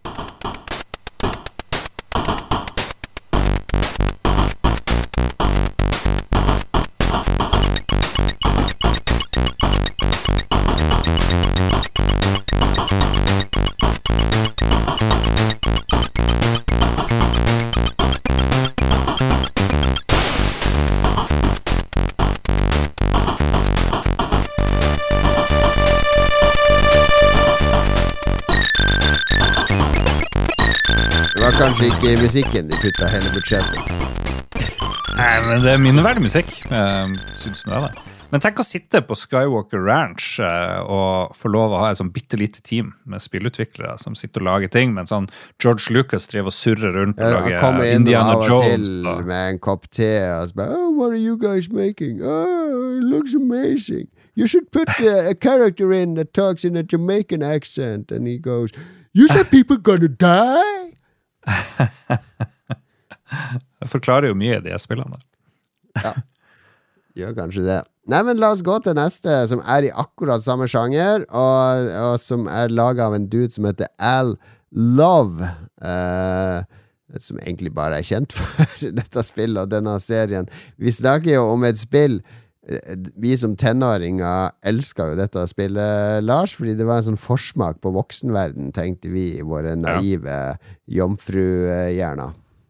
Og det er der du måtte svare på sånne spørsmål for å bevise at du var av en moden alder. Ja, du måtte bevise at du var 18 år ved å svare på spørsmål om eh, hvem spilte bass i Beatles og litt sånne ting som ingen kids skulle vite på 80-tallet. Eh, så, så det var, det var et spill i spillet å komme seg forbi den der quizen i starten, der du måtte svare riktig fem ganger. Og da kom du inn i spillet og fikk være Leisure Suit Larry in the land of lounge lizards. Det var jo et perfekt spill for sånn kåte tenåringer Oh, eller yes. barn som akkurat har oppdaga sin seksualitet. Ja, ja, hele ja. spillet handler om at han Leisure Suit Larry skal få, bli, få dame, få Han skal miste møydommen. Ja, han, eh, ja, det er enda bedre altså, for å eh, kjenne seg selv igjen i at han er jomfru og reiser til The City of Lost Wages in pursuit of sexual fulfillment. Oh yes, oh yes. Her kan du kjenne deg igjen i, uh, Philip. Ja, det er oss alle, det. Litt. Men han er uh, Altså, Larry uh, Han Det her var jo et spill ikke sant, som vi fnisa om og snakka om i friminuttene på skolen. Dette knullespillet, der du faktisk kunne få knulle i spillet. Eh, Det er jo ganske tidlig i spillet, så får du sjansen til å ligge med en prostituert. Har du glemt å ta på deg kondom, så dauer du av kjønnssykdom. Og eh, det var litt moral der òg, faktisk. Det er jo educational. Ja, nesten, nesten. Men det er, det er noe sleazy, og så er det noe veldig sånn ehm, Veldig sånn teit humor i det spillet. Han I Love har mye teit humor som egentlig funker. Det er en sånn 80-talls eh, platt humor som, eh, som Jeg vet ikke, for folk på min alder så holder den seg godt, men jeg tror ikke eh, unge folk i dag syns det er så mye gøy i det spillet her. Det, jeg synes spillet, jeg spilte det gjennom for noen år siden. Jeg syns det er for så vidt helt, eh, helt greit. Det passer jo best for noen litt sånn umodne folk og sånt. Men eh, det, det var jo et sånt spill alle hadde, og som hadde stor eh, For du slapp å spille en sånn ridder som skal redde en prinsesse, eller du trenger Det var ikke så seriøst, ikke sant? Det var mer sånn gøy, og du Plutselig så fikk du aids, og hvis du ikke tok på deg kondomen, ikke sant. Og mye Mye, mye humor som passer, liksom. Et publikum som ikke hadde, fikk spill eh, retta mot seg i denne eh, eventyrsjangeren, egentlig. Så det var jo helt topp. Ja, så det var jo veldig befriende å spille et eventyrspill, men så raunchy og Altså, ikke minst så følte du deg litt uh, Var litt sånn uh, Sånn spill der jeg tenker at det her syns ikke om mamma det er greit at jeg spiller. Det var- litt som å, å bla i et pornoblad på gutterommet sitt. Jeg, Ah. jeg hadde jo mitt Leisure Suit Larry, bare at det var en annen serie. Jeg husker ikke hva det heter, men det handla om å Lola. Uh, du, Ja, var det det? Ja, ja. Ja, Hvor du skulle lage pornofilm? ja. Det kom Ja. vi til i 95, så litt for tidlig Mm. Ja, ikke sant? Da var jeg ti. Det, det var min Leisure Suit Larry. Det, ja, jeg gleder meg til. Ja. Nei, men et, eh, et minneverdig spill på mange måter, og et spill som eh, kommer til å stå i historien når man skal liste opp eventyrspillene sin Eller de grafiske eventyrspillene sin opprinnelse, så står det jo der oppe med Maniac Mansion. Bare byr på litt andre andre typer verdier, og mest pga. settinga og humoren, vil jeg si. Men for en point and click-noob som meg, så fremstår Suit Larry mye mer tungvint å spille når du må trykke inn liksom alle tingene du vil gjøre sitt, du- og talk to Han Ja, prøvde å det- snakke til bartenderen, og så brukte han ikke navnet hans sånn. Ja, det har jo Kings Quest, at du går rundt med piltastene, og så skriver du uh, 'buy beer' eller uh, talk, 'talk to woman' med tastaturet. Så det har den litt tungvinte, den eh, Kings Quest-parseren, rett og slett. Og musikken, den husker vi, Lars. Absolutt. Han spilte vel saksofon, tror jeg. Oh yeah. Hello.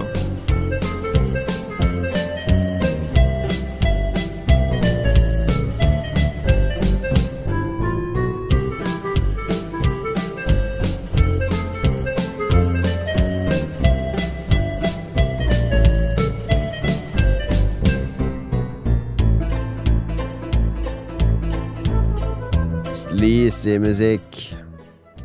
Så var det jo forut for sin tid da, og brøt den tredje veggen. Det ble en, det var en itembeskrivelse av noe sånn lommerusk, og hvor itembeskrivelsen var Why is this in every adventure game? Det er humor. Han, eh, han, jeg lover han uh, syns jo han var ganske morsom. Han var jo, han er jo for så vidt det, men han har en egen humornettside hvor han har flere tusen vitser. Og Oi. jeg fant eh, vits nummer 1257, hvor eh, en kvinne ringer den lokale avisen for å eh, sette inn mannens dødsannonse. Og hun, hun skjønte da Hun har skjønt da at han var utro, så redaktøren spør hvor lenge har din mann vært død, og hun sier han starter i morgen! I love humorsite.com eller et eller annet. Å ja, det er han Red Hot Chili Peppers synger ja. Er det det? love, I love Nå er det humor. Nå! Nå piker vi her. Oi, oi, oi. All right, vi skal til eh, Vi har fem spill i denne spalten. Vi må videre til Skate or Die, eh, som var Electronic Arts. Eh, de var, lagde mye bra på 80-tallet, og de kom med et eh, skateboardspill i 87. Skateboard var hot på denne tida 80-tallet. Det var skateboardfilmer. Eh, det var skateboard i massemedia. Det var et spill som heter 720 Degrees i Arkadehallene, hvis dere husker det, som var et sånt skateboardspill. Så det var en sånn viktig popkulturmarkør på denne tida, og det ja, Electronic Arts har alltid vært flinke til å plukke opp Zeitgeisten. Så de lagde et spill som heter Skate or Die, der de tok, la oss ta skatekulturen, og putte inn i eh, eh, det, sånn som World Games og Summer Games, altså det formatet der. Vi lager et spill med mange forskjellige øvelser, eh, der skateboard er i sentrum for alle øvelsene. Ja, det jeg husker det var at musikken var fantastisk i introen, for det er en sånn sampla gitarlyd eller noe sånt. Ja, Og så husker jeg at ja. det var forferdelig vanskelig. Eh, var liksom Spesielt halfpipe-greia var nesten helt umulig. Så jeg, jeg tror jeg mest har hørt musikken i det spillet. Jeg har ikke gjort så forferdelig mye annet. Bitte litt mer, men litt skating. Ja, nei, jeg, jeg spilte det en del, og det var ganske vanskelig å treffe og, og finne ut av ting. Og det var vel California Games, har, den har jeg vel vært innom, ikke sant. Det hadde noen likhetstrekk med det, bare at det var mye vanskeligere. Og jeg vet ikke, det var, det var et eller annet med det som jeg likte best med dette, var jo attituden. Ikke sant? Hvis du ser på coveret, det er jo sent 80-tall oppsummert med fargepastisjen og de der mønstrene. Altså det er en sånn gul jakke med noen sånne bølgestreker på, og noen spiraler. Det er en sykt kul sånn 80-tallspastisj. Og den reflekterte jo i hele spillet. Så jeg følte at spillet var veldig sånn herre Litt sånn cutting edge. Altså litt sånn den tidens wipeout, hvis det, det, det Jeg tar den litt langt nå, men ikke sant, det, det, strakk seg langt for å representere en ungdomskultur mest mulig uh, uh, autentisk. Jeg husker han i skateshoppen, ikke sant, han hadde sånn dritkul sånn her rosa eller lilla hanekam og så ut som en gammel punker. Og det var, var mye her som, som, var ganske kult og annerledes i denne trygge spillverden eh, der vi var vant til å få servert krigere og trollmenn og hemmelige agenter. Absolutely. Jeg lurer på hvilken påvirkning det spillet hadde, liksom, på, på spill. Jeg vet da faen. Jeg likte 720 bedre. Det var Ja, sånt artig uh, Ja. skatespill. Det var litt Var det sånn, det var, Commodore 64? Ja, det var vel på Commodore, det òg. Kom det, kom det, òg. det, det fikk jo en eh, oppfølger som heter Ski or Die. Der de eh, prøvde å gjøre det samme, bare putte det til snowboard og ski og alpin og sånne ting. Så det ble jo en moderat suksess. Og så var det vel også Ja. eh, Criterion Games, de som lagde Burnout, de uh, jobba jo faktisk på en remake av spillet til PlayStation 2 og Xbox i 2002, som ble um, kansellert fordi eh, Criterion hadde en del krangler med Electronic Arts. Eh, så så det var i ferd med å bli remaka på 2000-tallet. Det kunne jo vært interessant å se hva, det, hva som hadde blitt ut av Mm. det. Ja. Nei, det var et av de spillene som alle hadde, virka det som. Det Ja, er- var det. Var det. Og artig, artig å se hva Electronic Arts var på den tida. Altså, de var, de var mye kulere på 80-tallet. Mye mer uh, uh, cutting edge med hva de prøvde å få til. Soundtracket til Rob Hubbard, som du nevnte, det er litt delte meninger om det, fordi jeg mener jo at når han begynte å dra inn samples i låtene sine, så ble noe av den der uh, Det rene i SID-musikken ble litt Det ble litt besudla, rett og slett. Jeg er ikke så fan av musikken. Det er mange som liker den knallharde finske heavy-gitaren. Du kan jo dømme sjøl.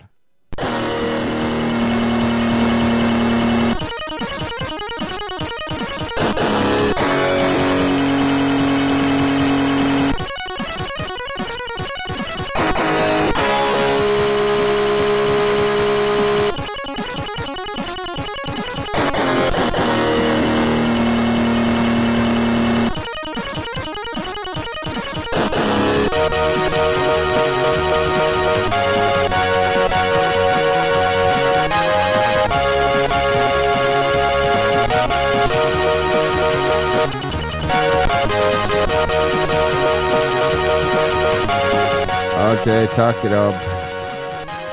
Noen vil kanskje føle at det er litt mye. Det er ganske mye, men jeg tror det var en litt sånn maktdemonstrasjon òg. At oi, sjekk, sjekk hva jeg kan gjøre, og hvilken lyd jeg kan få ut. Det er ikke den peneste lyden, men eh, det er ingen annen musikk som høres sånn her ut. Ikke på den tida, nei. Let's move on til eh, Nintendo 8-bits og en uh, lukrativ lisens de hadde på denne tida, nemlig Mike Tyson sitt navn, som pryda I hvert fall et par år så pryda den spillesken, og uh, spillet Mike Tysons Punch-Out. Um, det ble jo uh, Det ble etter hvert bare super Nei, Punch-Out, fordi den lisensen varte bare noen år. Men da spillet ble lansert, så var det Mike Tyson, liksom. Sin punch-out, og sistebossen var Mike Tyson sjøl. og vi snakker da om Nintendo sitt bokse, sin boksespillserie, der du er Little Mac. Du ser alltid Little Mac eh, bakfra, der han kjemper mot ulike tegneserieaktige eh, figurer med eh, litt sånn eh, typecasta av navn og, og personligheter. personlighet, da. Jeg ser den første du slåss mot, heter Glass Joe.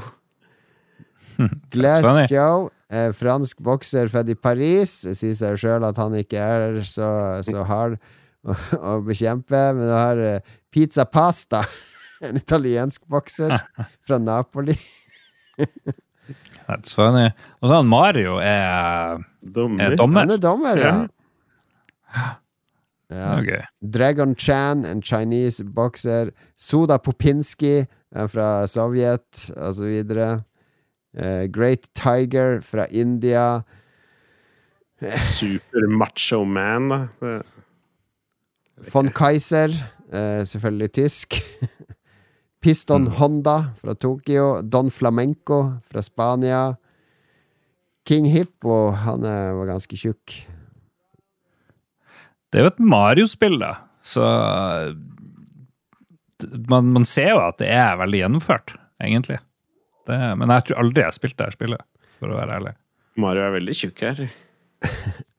Punch-Out, altså denne Punch-Outen, den tror jeg aldri jeg spilte, men eh, det ble jo Det var jo en kjempestor suksess, ikke sant? Det ble jo en oppfølger Super Punch-Out, og det kom jo også på Vi med bevegelseskontroller i en moderne versjon, uh, så vidt jeg husker. Den spilte jeg en del, den var ganske morsom.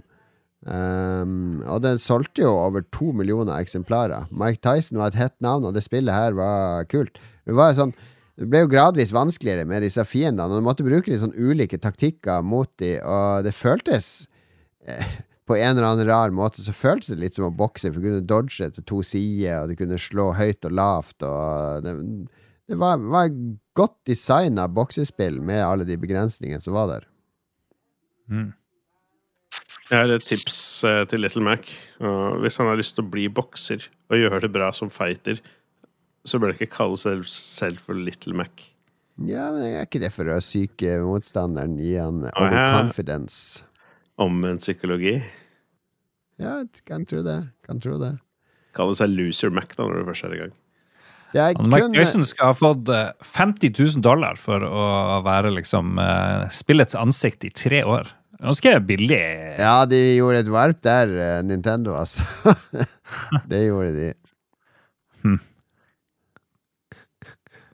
Ja vel. Nei, jeg har ikke så mye mer å si om uh, spillet her. eh, Jeg uh, heller eh, et uh, klassisk uh, Nintendo-spill som kanskje folk flest har glemt nå.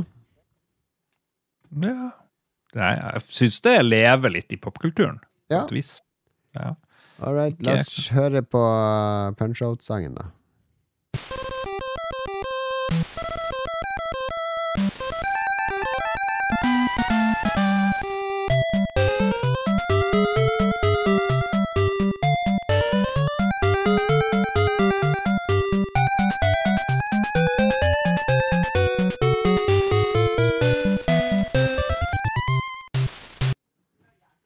Det var det. Jeg, jeg, jeg kom til Don Flamengo nå i, på YouTube-videoen, og jeg legger merke til hvor forskjellig animert de er, de forskjellige fighterne. De har liksom en personlighet i movesene Det er det som ja. eh, spillet i stor grad lever på, er jo at eh, karakterene er så eh, bra designa og animert og karikert at de får veldig personlighet, ikke sant? Mm. I, I denne generasjonen med spill så var det jo ofte veldig lite piksler og veldig vanskelig å gi dem noe eh, spesielle karaktertrekk eh, og personlighet, men det, det er jo det dette spillet klarte. Mm. Ok, siste spill ut. Test Drive. Det spilte jeg mye på Amiga. Eh, det, det ble jo en serie som levde til langt ut i PlayStation 2, tror jeg, der Test Drive Unlimited kom. Eh, masse spill i denne serien. Skilte seg ut fra andre eh, typer racingspill ved at det skulle være så realistisk. Altså, du skulle liksom prøvekjøre en sportsbil, en Lamborghini og sånn, og dashbordet skulle være akkurat sånn som det var i en Lamborghini. Det var en masse stats i det spillet, husker jeg, på hver bil og sånne ting, så det skulle være sånn eh, alt som en- For bilentusiaster, først og fremst. Kanskje en, en liten forsmak på Gran Turismo, til og med.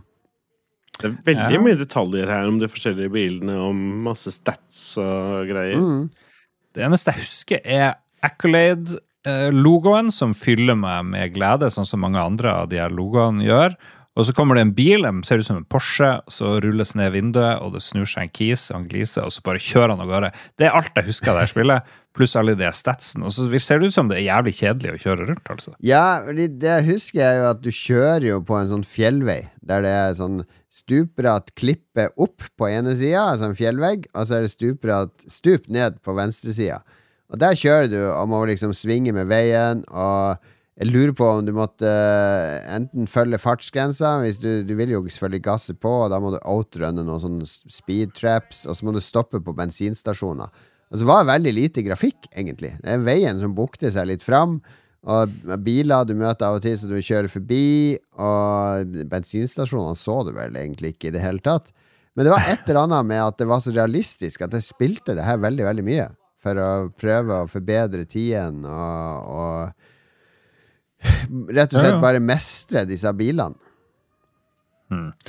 Det, det var kanskje ikke liksom Det ser jo ikke så bra ut nå. Det er polygoner, veldig enkle polygoner, men eh, i, i 87 så var jo det her eh, helt amazing. Det var jo veldig få spill som så ut som det her. da. Så jeg skjønner jo at det var At du satt og spilte kjempelenge. Ja, masse, det var jo liksom masse. Altså, det, var, det her er jo starten på Amiga nå. Det var jo ikke akkurat en sånn her eh, enorm flora av uh, kvalitetsspill på Amigaen i starten. Vi har vært innom et par i dette året som ikke akkurat står seg som udødelige klassikere. Så jeg spilte jo alt man kom over, men dette var et av de som fenga mer enn mye annet. Ja. Uh, jeg liker at det kommer opp uh, girspaken når du girer. Så dukker girspaken opp. Ja, ja, ja. Det var det, det detaljnivået ikke sant, som gjorde at dette var noe annet enn Outrun, for de girkassene er jo forskjellige hver, hver bil. så Ja, ja, ja, ja, ja. Detaljer. Detaljer. Ja, det, er, det jo sånn Forsa og disse spillene holder på nå.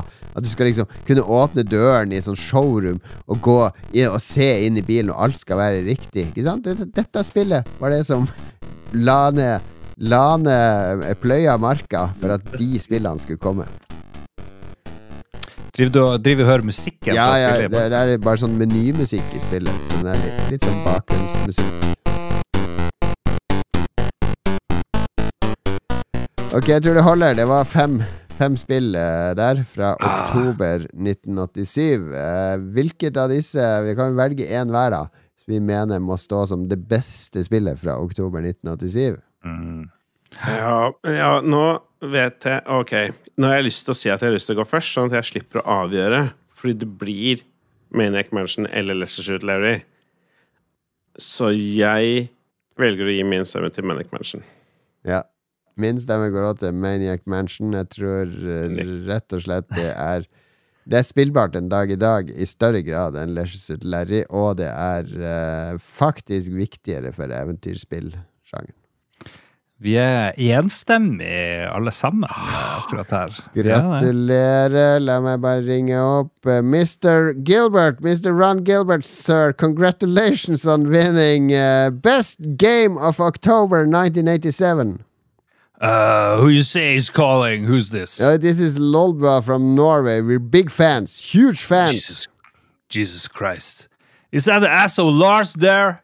Yeah, yeah, he's here. He's he's, at the, Ah. he's on the toilet at the moment. I remember, motherfucker, when I came out with my game, The Cave, he Yeah. wrote, This is not as good as these other games. And I got really sad. Yeah, he's a fuck fuckface. him. We hate him. We hate him in Lolbua as well.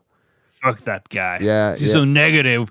There are enough negative people in the world, you know. I totally agree. You should only complain Yeah. once a week. yeah. Once a week, I complain once a lifetime. And Oh, this yeah, was one my shot. I never complained before in my life, and I spent it on this motherfucker. All right. Goodbye. Ja, takk til Ron Gilbert eh, der. Vi, vi, vi kjører på videre i programmet og går rett inn i anbefalingsspalten etter denne lille trudelutten.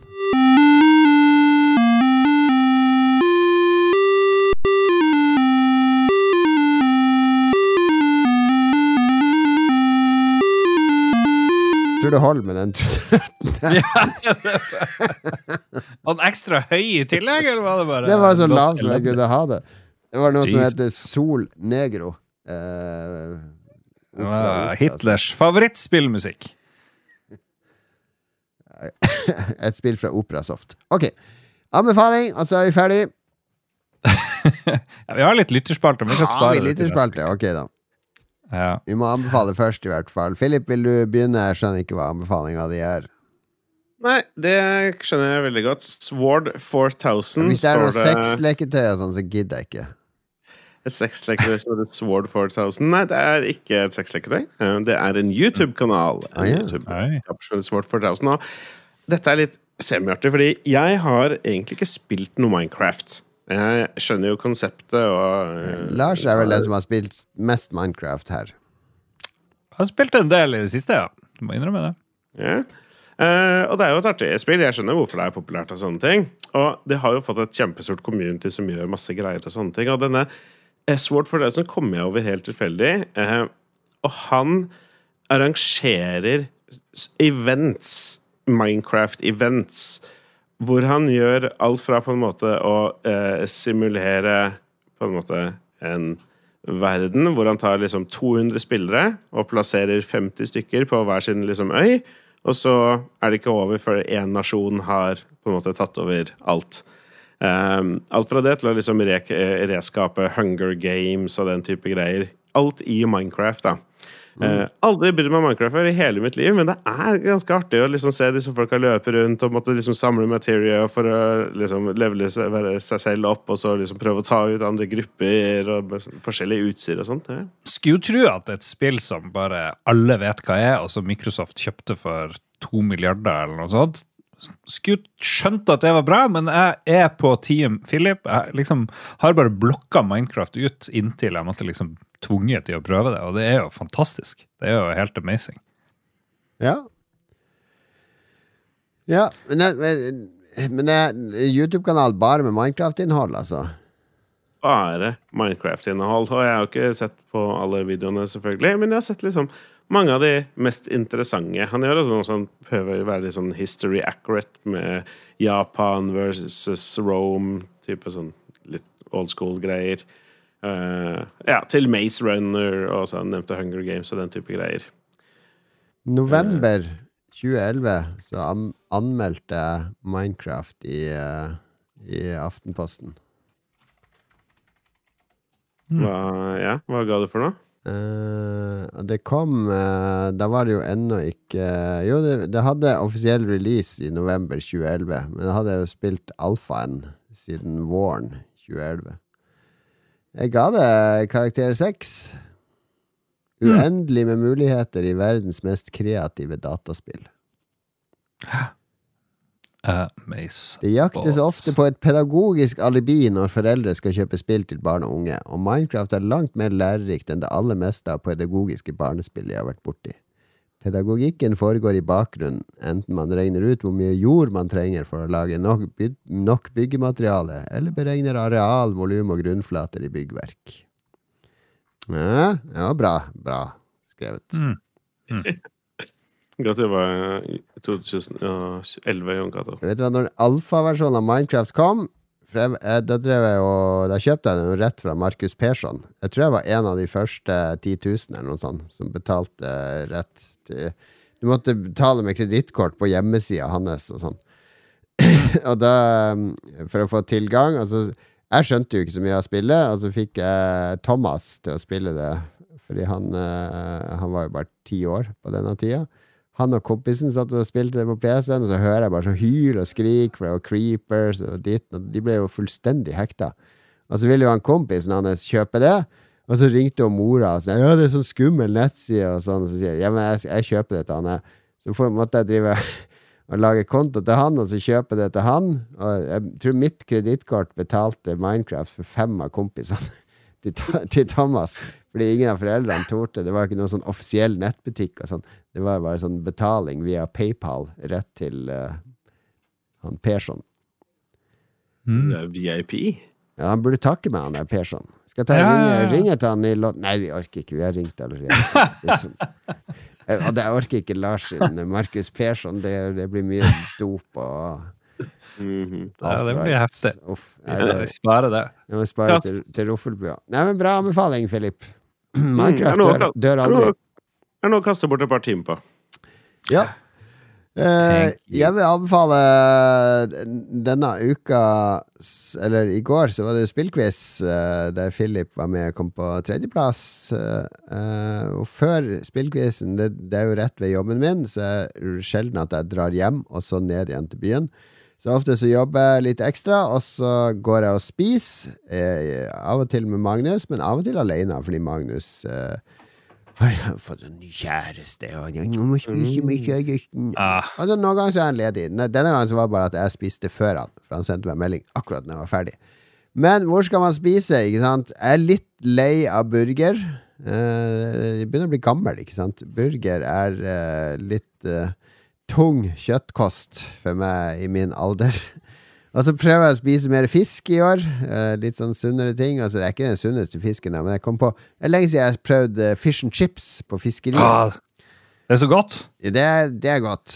Og det er Mm. eh, Det var jo fiskeriet på Youngstorget i Oslo som innførte på en måte Eller gjeninnførte fish and chips i Oslo.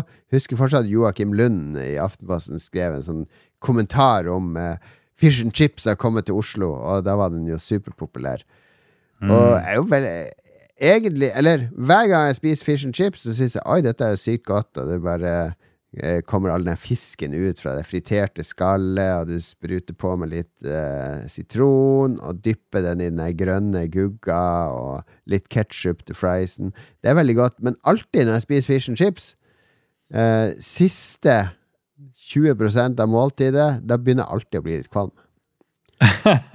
Og så tenker jeg ok, eh, nå kan det gå en stund til neste gang jeg spiser fish and chips. Men 80 av måltidet, da nyter jeg det. Men jeg blir alltid litt kvalm av fish and chips. Jeg tror det er fordi jeg egentlig ikke liker sånn der eh, frityrstekt mat.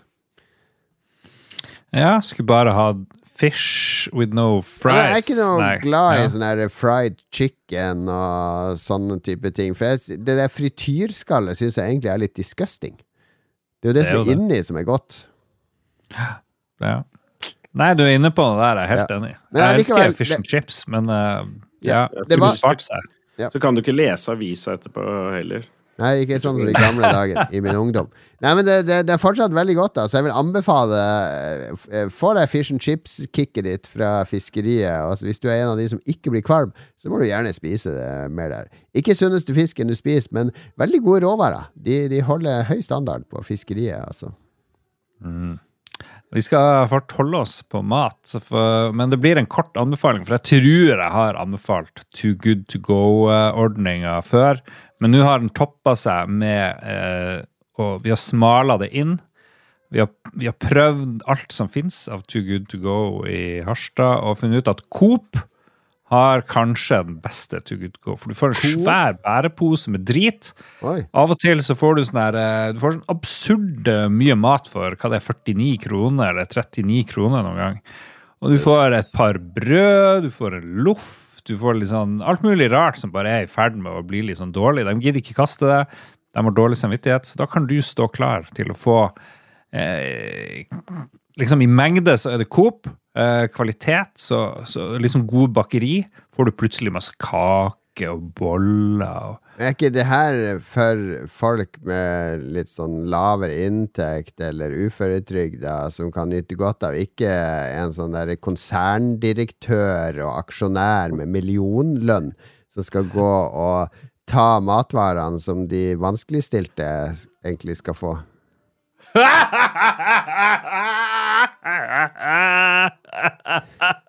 Jepp. Ok. Nei, men Too good to go fra Coop i Harstad. Jeg anbefaler alle til å laste ned appen og reise til Harstad for å få seg litt brød og pålegg. Jeg er sikker på at Coop resten av landet òg har gode deals der, altså. Ja, men det som er problemet med de der dagligvare Too Good To Go-posene, er jo at det gjerne er sånn, ja, som du sier, tre brød eller noe sånt noe. Og så, Ja.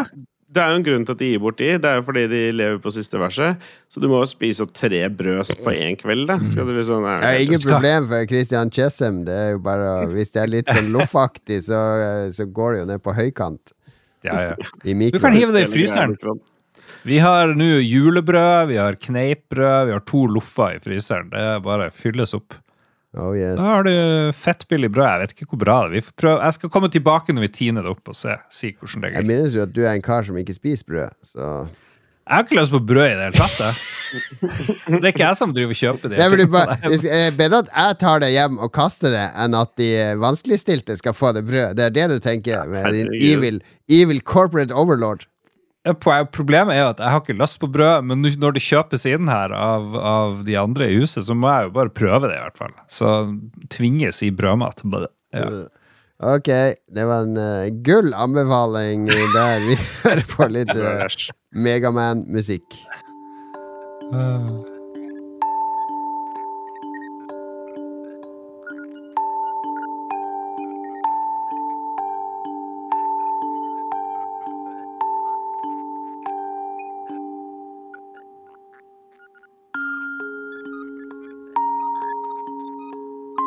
Veldig chill musikk i det vi skal la lytterne eh, få si noen ord. Og dette, dette må du ta, Lars. Jeg klarer ikke å komme meg på Facebook her. Hvem i all verden uh, skulle tro at det var Megaman? Skal vi se. Vi jeg er på Facebook. Jeg, jeg har lyst til å ta den første, for jeg så en Ja. som jeg bare tenker på veldig akkurat nå de siste 20 sekundene. Ja. Og det spørsmålet er Hva faen ble det av? Du, jeg har et dilemma først, før vi begynner. Skal vi ta Ja, det? bra. Et dilemma? Dilemma, er du klar, Lars? ja. Yes. Eh, alltid være litt for kald, eller alltid være litt for varm? Akkurat nå er jeg fettvarm, for jeg, har, jeg, jeg kan ikke ta av meg genseren fordi jeg har opptak. Og jeg har på sånn enorm ovn her, så jeg vil gjerne være litt for kald. Jeg går også for litt for kald. Fordi jeg kan ikke tenke meg noe verre enn å hele tida sitte og svette ut T-skjorta si. Hva med det, Philip? Ja, ja. Det er mer eh, fysisk ubehagelig å være litt for varm. Så jeg er enig. Vi får være tre på den. Ja. ja, men det var lett løst. Kjør på med lytterne. Det kan bare gå nedover herifra. Jeg er helt sikker på at jeg så noen som kommenterte på at han syns det var så fint at musikken i episodene alltid er så høy, sånn at han våkner når han hører på når han uh, legger seg. Sånn at han våkner og får med seg resten av episoden. Ja, det leste jeg òg. Har han sletta den, eller? Er jeg den- finner den ikke nå, men uh, den syns jeg Jeg har, jeg har merket det nå de siste Hvor i helvete blir det av den uh, meninga? Du, du som skrev det, må ikke bare skrive. Bare kjør på. Det var godt. eh, ja. Han liker at musikken på Nei, lyden på musikken er mye høyere enn alt annet, fordi da våkner han opp, for han driver og hører på podkast når han skal legge seg. Så det var sånn eh, backhanded compliment, tror jeg, som det heter. Men vi fikk det begge med oss, Philip. Eh, ellers så sier Magnus Eide Sandstad at 4070 fra Nvidia, 4070 Super, er lansert. Har vi bestilt mange? Jeg du- gidder jo ikke å nedgradere fra mitt 4090. 4070 Super koster 7899. Ja, det, det er Eh, kanskje Hvis du vil ha et, Lars, så kan vi fikse det. Men du må vel oppgradere hovedkortet og alt sånt. Det Må nok er- oppgradere litt, men det kan vi gjøre. Men da får du 3090-ytelse, er det det? ja, Ish. ja, pluss, plus, tror jeg. Pluss, pluss. Ja, ja. Oi, ja, for jeg har jo en 3090. Oh. Men uh, hvor mye kaster en sånn Super? Er det ikke Jeg tror det er ganske dyre fortsatt. Det er vel et sånn der uh, Dette blir veldig kjedelig, men det er vel en sånn der ram Altså, du, du må ha annen type ram og annen type hovedkort for å få full ytelse fra 40-serien. Mm. Altså, det er et sånn nytt steg videre. Så når jeg gikk for 4090, så måtte jeg jo bytte ut uh, alt i PC-en, nesten. ja, for du har kjøpt nye ting. Har vi snakka om det? Det er jo år og dag, sier jeg. 40, ah, ja. Det, ah, ja, det, ja, det var det som kosta 15 000. 16 000-17 000? ja, det 000. kosta sykt mye da det kom. My lord. Men det her koster jo eh, 8000. Under 8000. Det må jo være et skup. Ja, det høres ut som et skup. billig. Godt tips fra Sandstad. Ja. Um, hvem er neste, Philip? Er du med? Ja da. Vi har jo han eh, Ragnar Veien Tundal. Gaming-estetikken med massevis av RGB-lys og racingstoler er dritharry og minner meg om ungdommer som gikk med svarte T-skjorter med flammer på. Hva er deres kontroversielle mening om gaming? Kontroversiell mening om gaming. Han eh, kritiserer RGB-lys og syns det er harry. Ja, hva vi skal si? Men er det jo ikke Ok, hvis du ser en bil som kommer, en topptrimma Opel Ascona med sånn neonlys under bilen som lyser ned på asfalten. Og, og sånn Det er jo harry. Altså, sånne, sånne typer lys er jo litt harry. Hva er våre kontroversielle meninger om spill? Jeg vil si at spill mye dårligere enn for 30 år siden. Herregud, si. Det er jo en idiotmening. Ja. Det er jo ikke en kontroversiell mening. Den er jo kontroversiell, hører du? Du fyrer deg jo med en gang. Spill Før i tida så fikk du spill i alle mulige sjangere. Du fikk Oslo Børs, du fikk liksom uh, bare en helt sånn crazy shit. Det viser jo den her uh, om månedens spillgjennomgangen. Det var jo mye mer uh, saker og ting som nådde igjen, nådde opp og frem til oss, og som ble ble konsumert. Nå nå skal alt være Harry Potter eh, 1, 2, 3, 4, 5, 6 Det er jo direkte feil, det du sier. Det er jo helt helt eh, rett. provoserende å høre på. Det er nok kanskje litt både òg, for jeg, jeg skjønner det at jeg tror nok det er flere av de på en måte etablerte utviklerne som følger visse formler, på en måte. Samtidig så blir det utgitt flere spill enn noensinne. Og sånn som Jon Cato nå med denne lista til Flere sjangre enn noen gang, og vi har en haug med spill som venter på oss i spillklubben, så dette Ikke blir jo helt feil. Jeg tror ikke helt på det, men jeg har et åpent sinn. Ja. Eh, yeah, kontroversielle meninger om gaming Jeg tenker jo ah, Spillene i 1987 mye bedre enn spillene i 2024. Shut the fuck up, Danny! You're out of your element! Um, Prøv bare å hjelpe deg.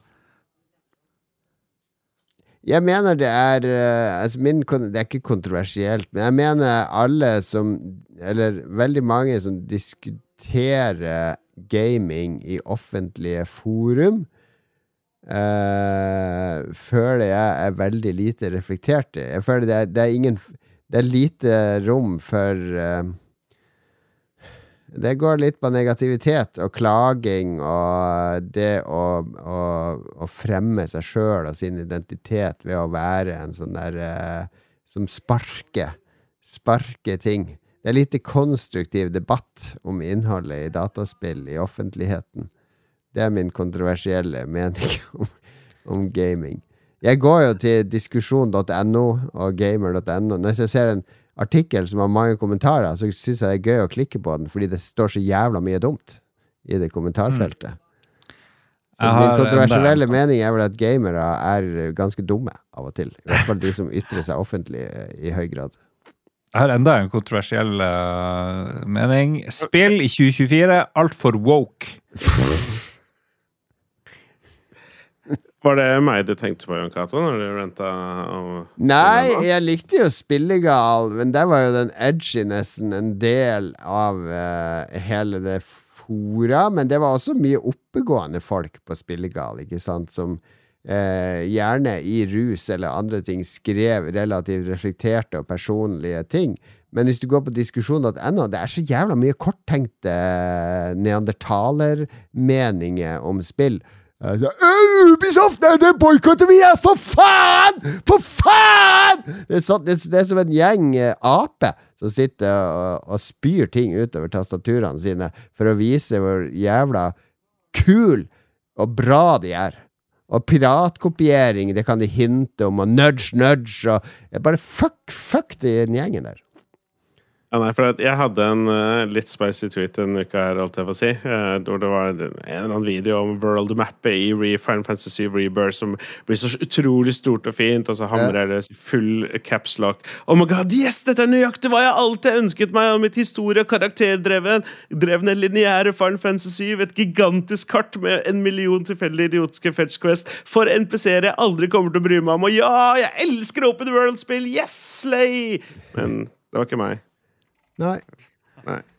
Det er det lov. Enda en kontroversiell mening. Altfor mye kvinnelige hovedpersoner i uh, spill i Ok. 2024. Nå, nå troller du bra. Ja, jeg kom ikke over streken her etter hvert. Skal vi se Neste Vet, vet du hva som er det min favoritt på diskusjon Eller eh, diskusjon.no gamer.no, tråd nå? For nå har de jo valgt skuespiller til sesong to av eh, De skriver altfor mye om TV-serier og film på gamer.no, men det er min mening. Det er min eh, kontroversielle mening. Men de har eh, skrevet en sak om at Katelyn Dever skal spille Abby i Last of Us-serien. Er, jeg kjenner ikke hun skuespilleren, så er det noen bilder av henne. Hun ser ut som en søt, ung dame. Og hun Abby, for de som ikke vet, spoiler, ikke sant? hun er veldig sterk. Ikke sant? Hun, hun er ganske muskuløs og, og dreper Joel i starten av Last of Us 2.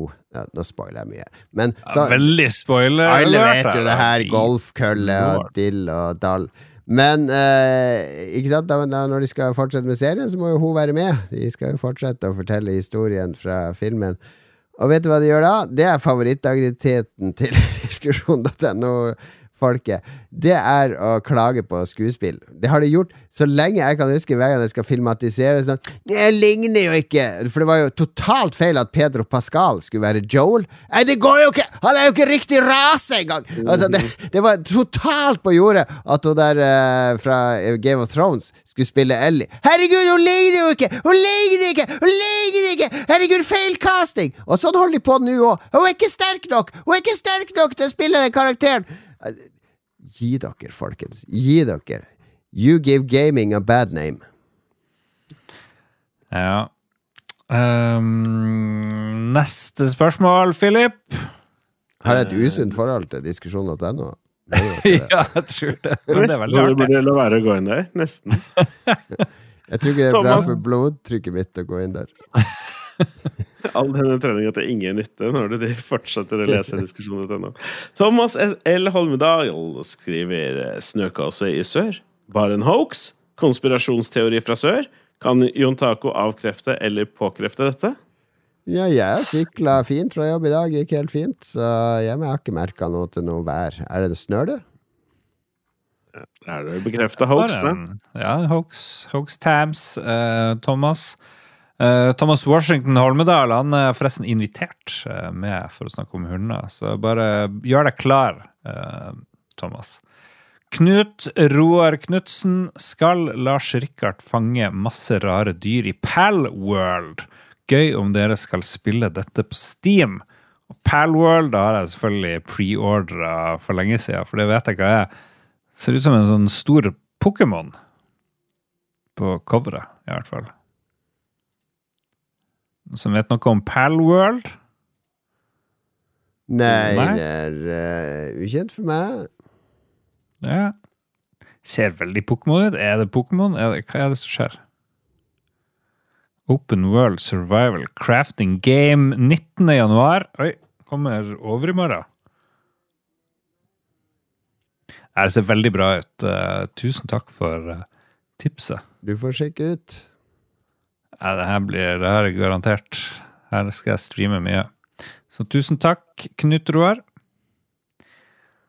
Um, Thomas er tilbake, Philip. Ja, fordi jeg sitter og kniser litt for meg selv nå, fordi han spør Gauteshow, er humor tilbake? Er cancel-kulturen kansellert? Kjør black debatt. Og da måtte jeg slå opp dette Gauteshow, for det har jeg sett eksistere, men jeg har ikke titta ordentlig på det. Ja, jeg de- ser det. Det er, det er litt artig. Det er jo litt artig, og de holder ikke så mye tilbake her. Ja, jeg så en episode, og det var med han der eh, DJ Dan. Jeg husker ikke hva han heter eh, på ordentlig. På YouTube? Ja, for nå er det jo på Ja. NRK, vet du. Ja, nei, jeg har sett på, på YouTube. Jeg tipper de er bedre på YouTube, for å være ærlig. Ja, den er ganske bra. Den første episoden på NRK er jo med hun der eh, samiske artisten som uh, har blitt ganske stor. Ja. Uh, og da Ja. får de uh, en sånn der uh, sminke-influencer-dude.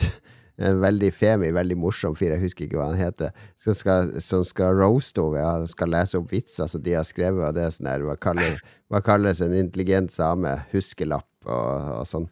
Oi, oi, oi. Altså, altså hun sier «Nei, det er ikke morsomt. Han bare jeg skjønner, jeg skjønner ikke vitsen. Jeg skjønner ingenting av vitsen. Ei lapp er liksom eh, Det er sånn eh, veldig negativt eh, ord. eh, Ja, ja. om samer. Han bare Å, herregud! Å, herregud!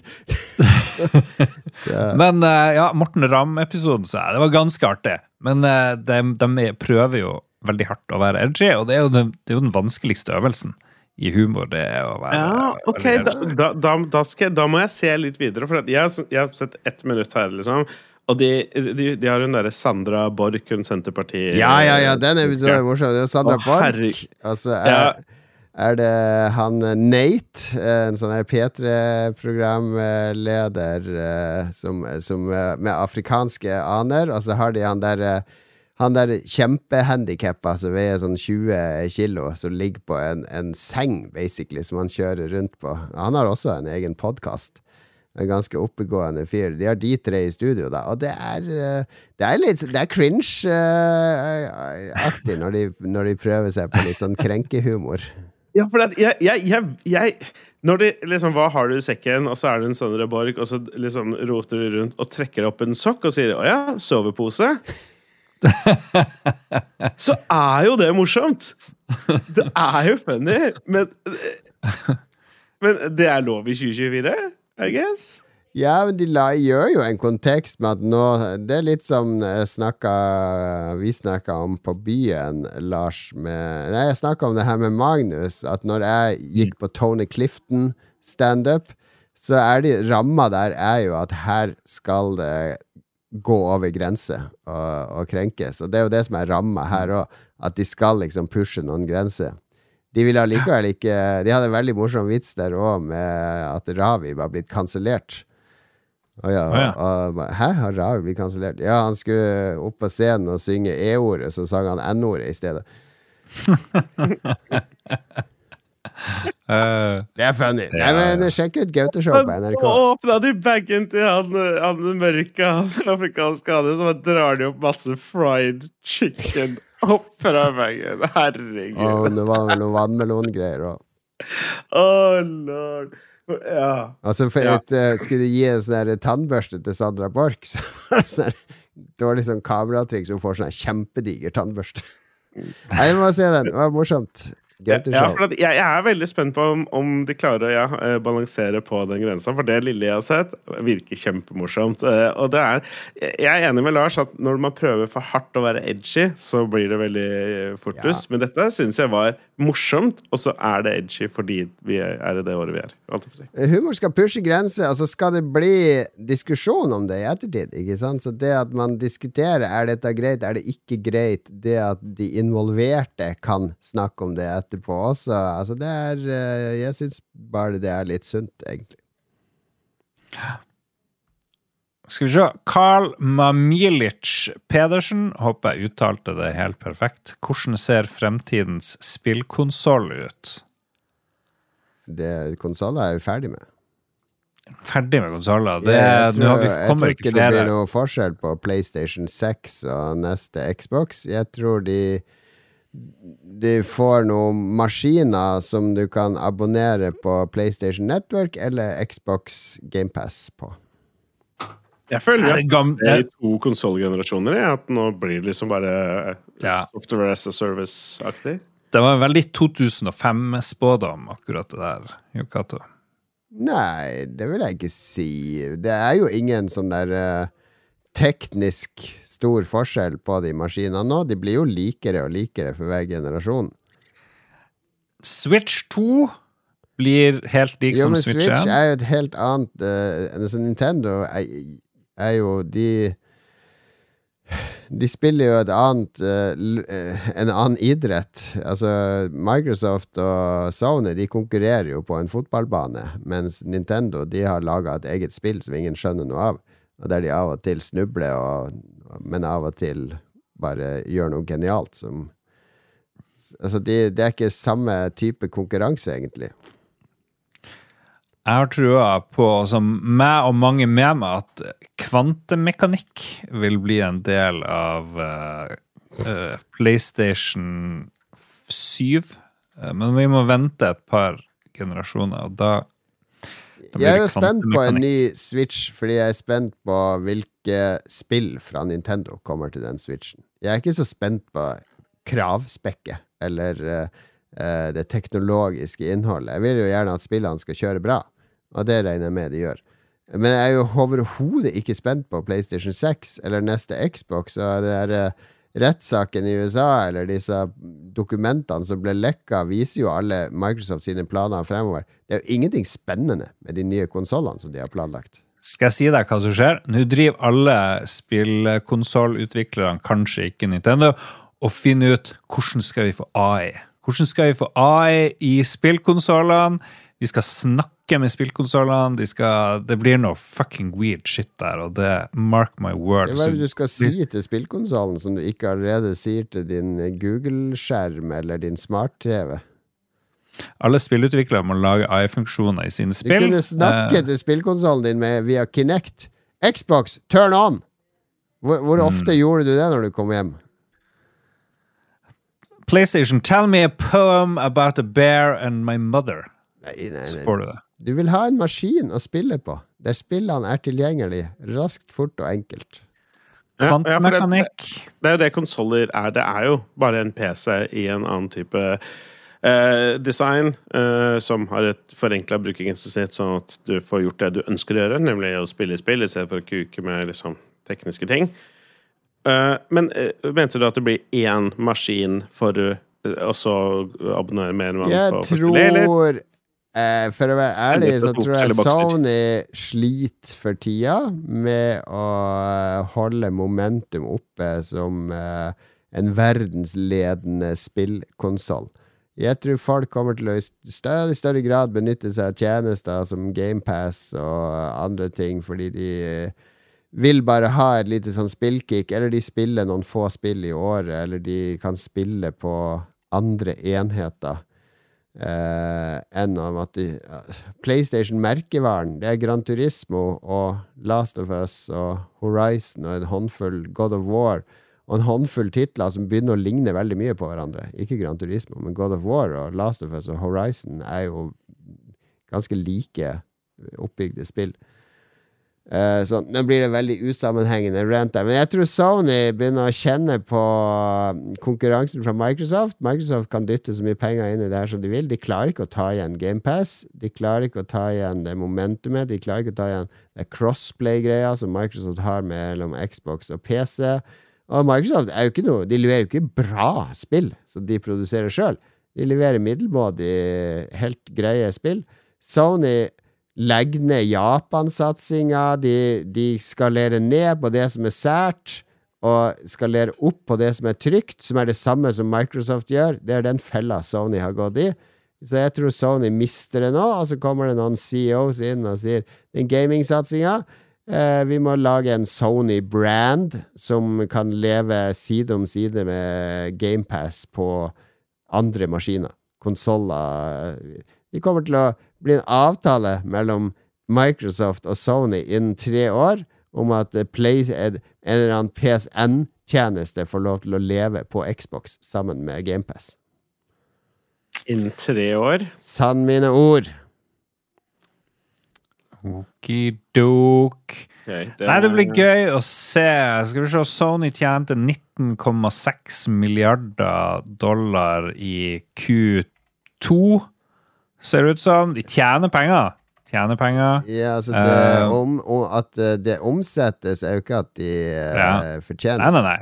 Det er absolutt det er helt sant. Så det blir jo spennende hva de, hva de sitter igjen med. Men de, mener jo, de er jo størst. Størst av alle sånne konsoller, da. Men jeg, jeg er jo enig i at Sony for oss ser ut som de er ute og sykler. ikke sant? Kommer lite spill. De har sånne her sjefer som ikke klarer å inspirere noen som helst, tror jeg, og så videre. Og ja, jeg vet ikke. Kan gå nedover, kan gå nedover. Men eh, Jeg, jeg vet ikke hva de vil bli med. PlayStation. Jeg- Jeg vet Jeg ikke hvor de skal. jeg tar, jeg tar det veddemålet. Jeg har lagt det til i kalenderen min nå. Søndag 17. januar 2027. Så har jeg notert at da skal vi gå tilbake og sjekke.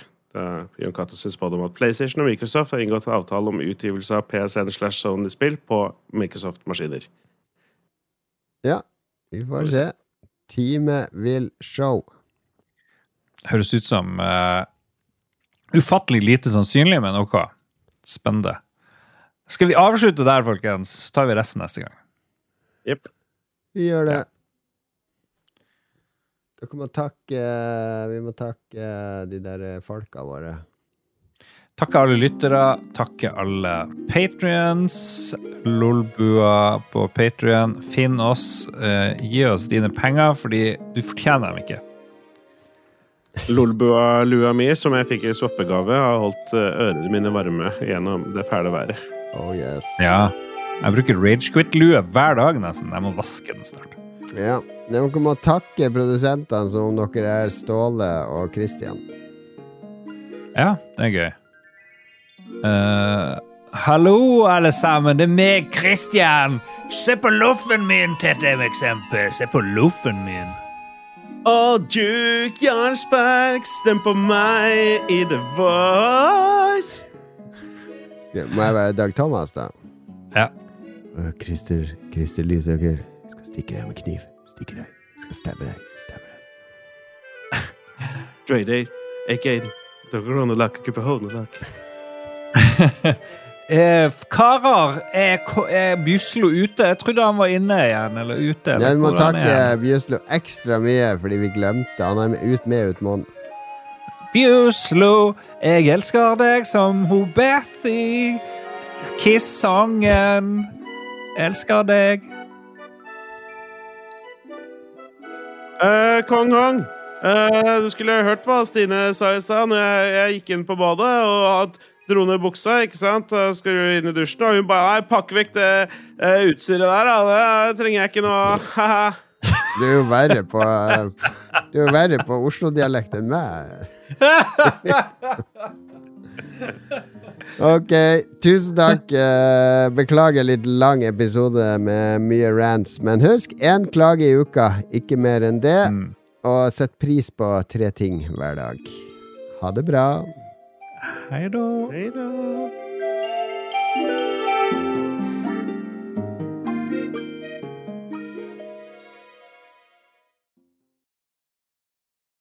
Har du et enkeltpersonforetak eller en liten bedrift? Da er du sikkert lei av å høre meg snakke om hvor enkelt det er med kvitteringer og bilag i fiken, så vi eh, gir oss her, vi. Fordi vi liker enkelt. Fiken superenkelt regnskap.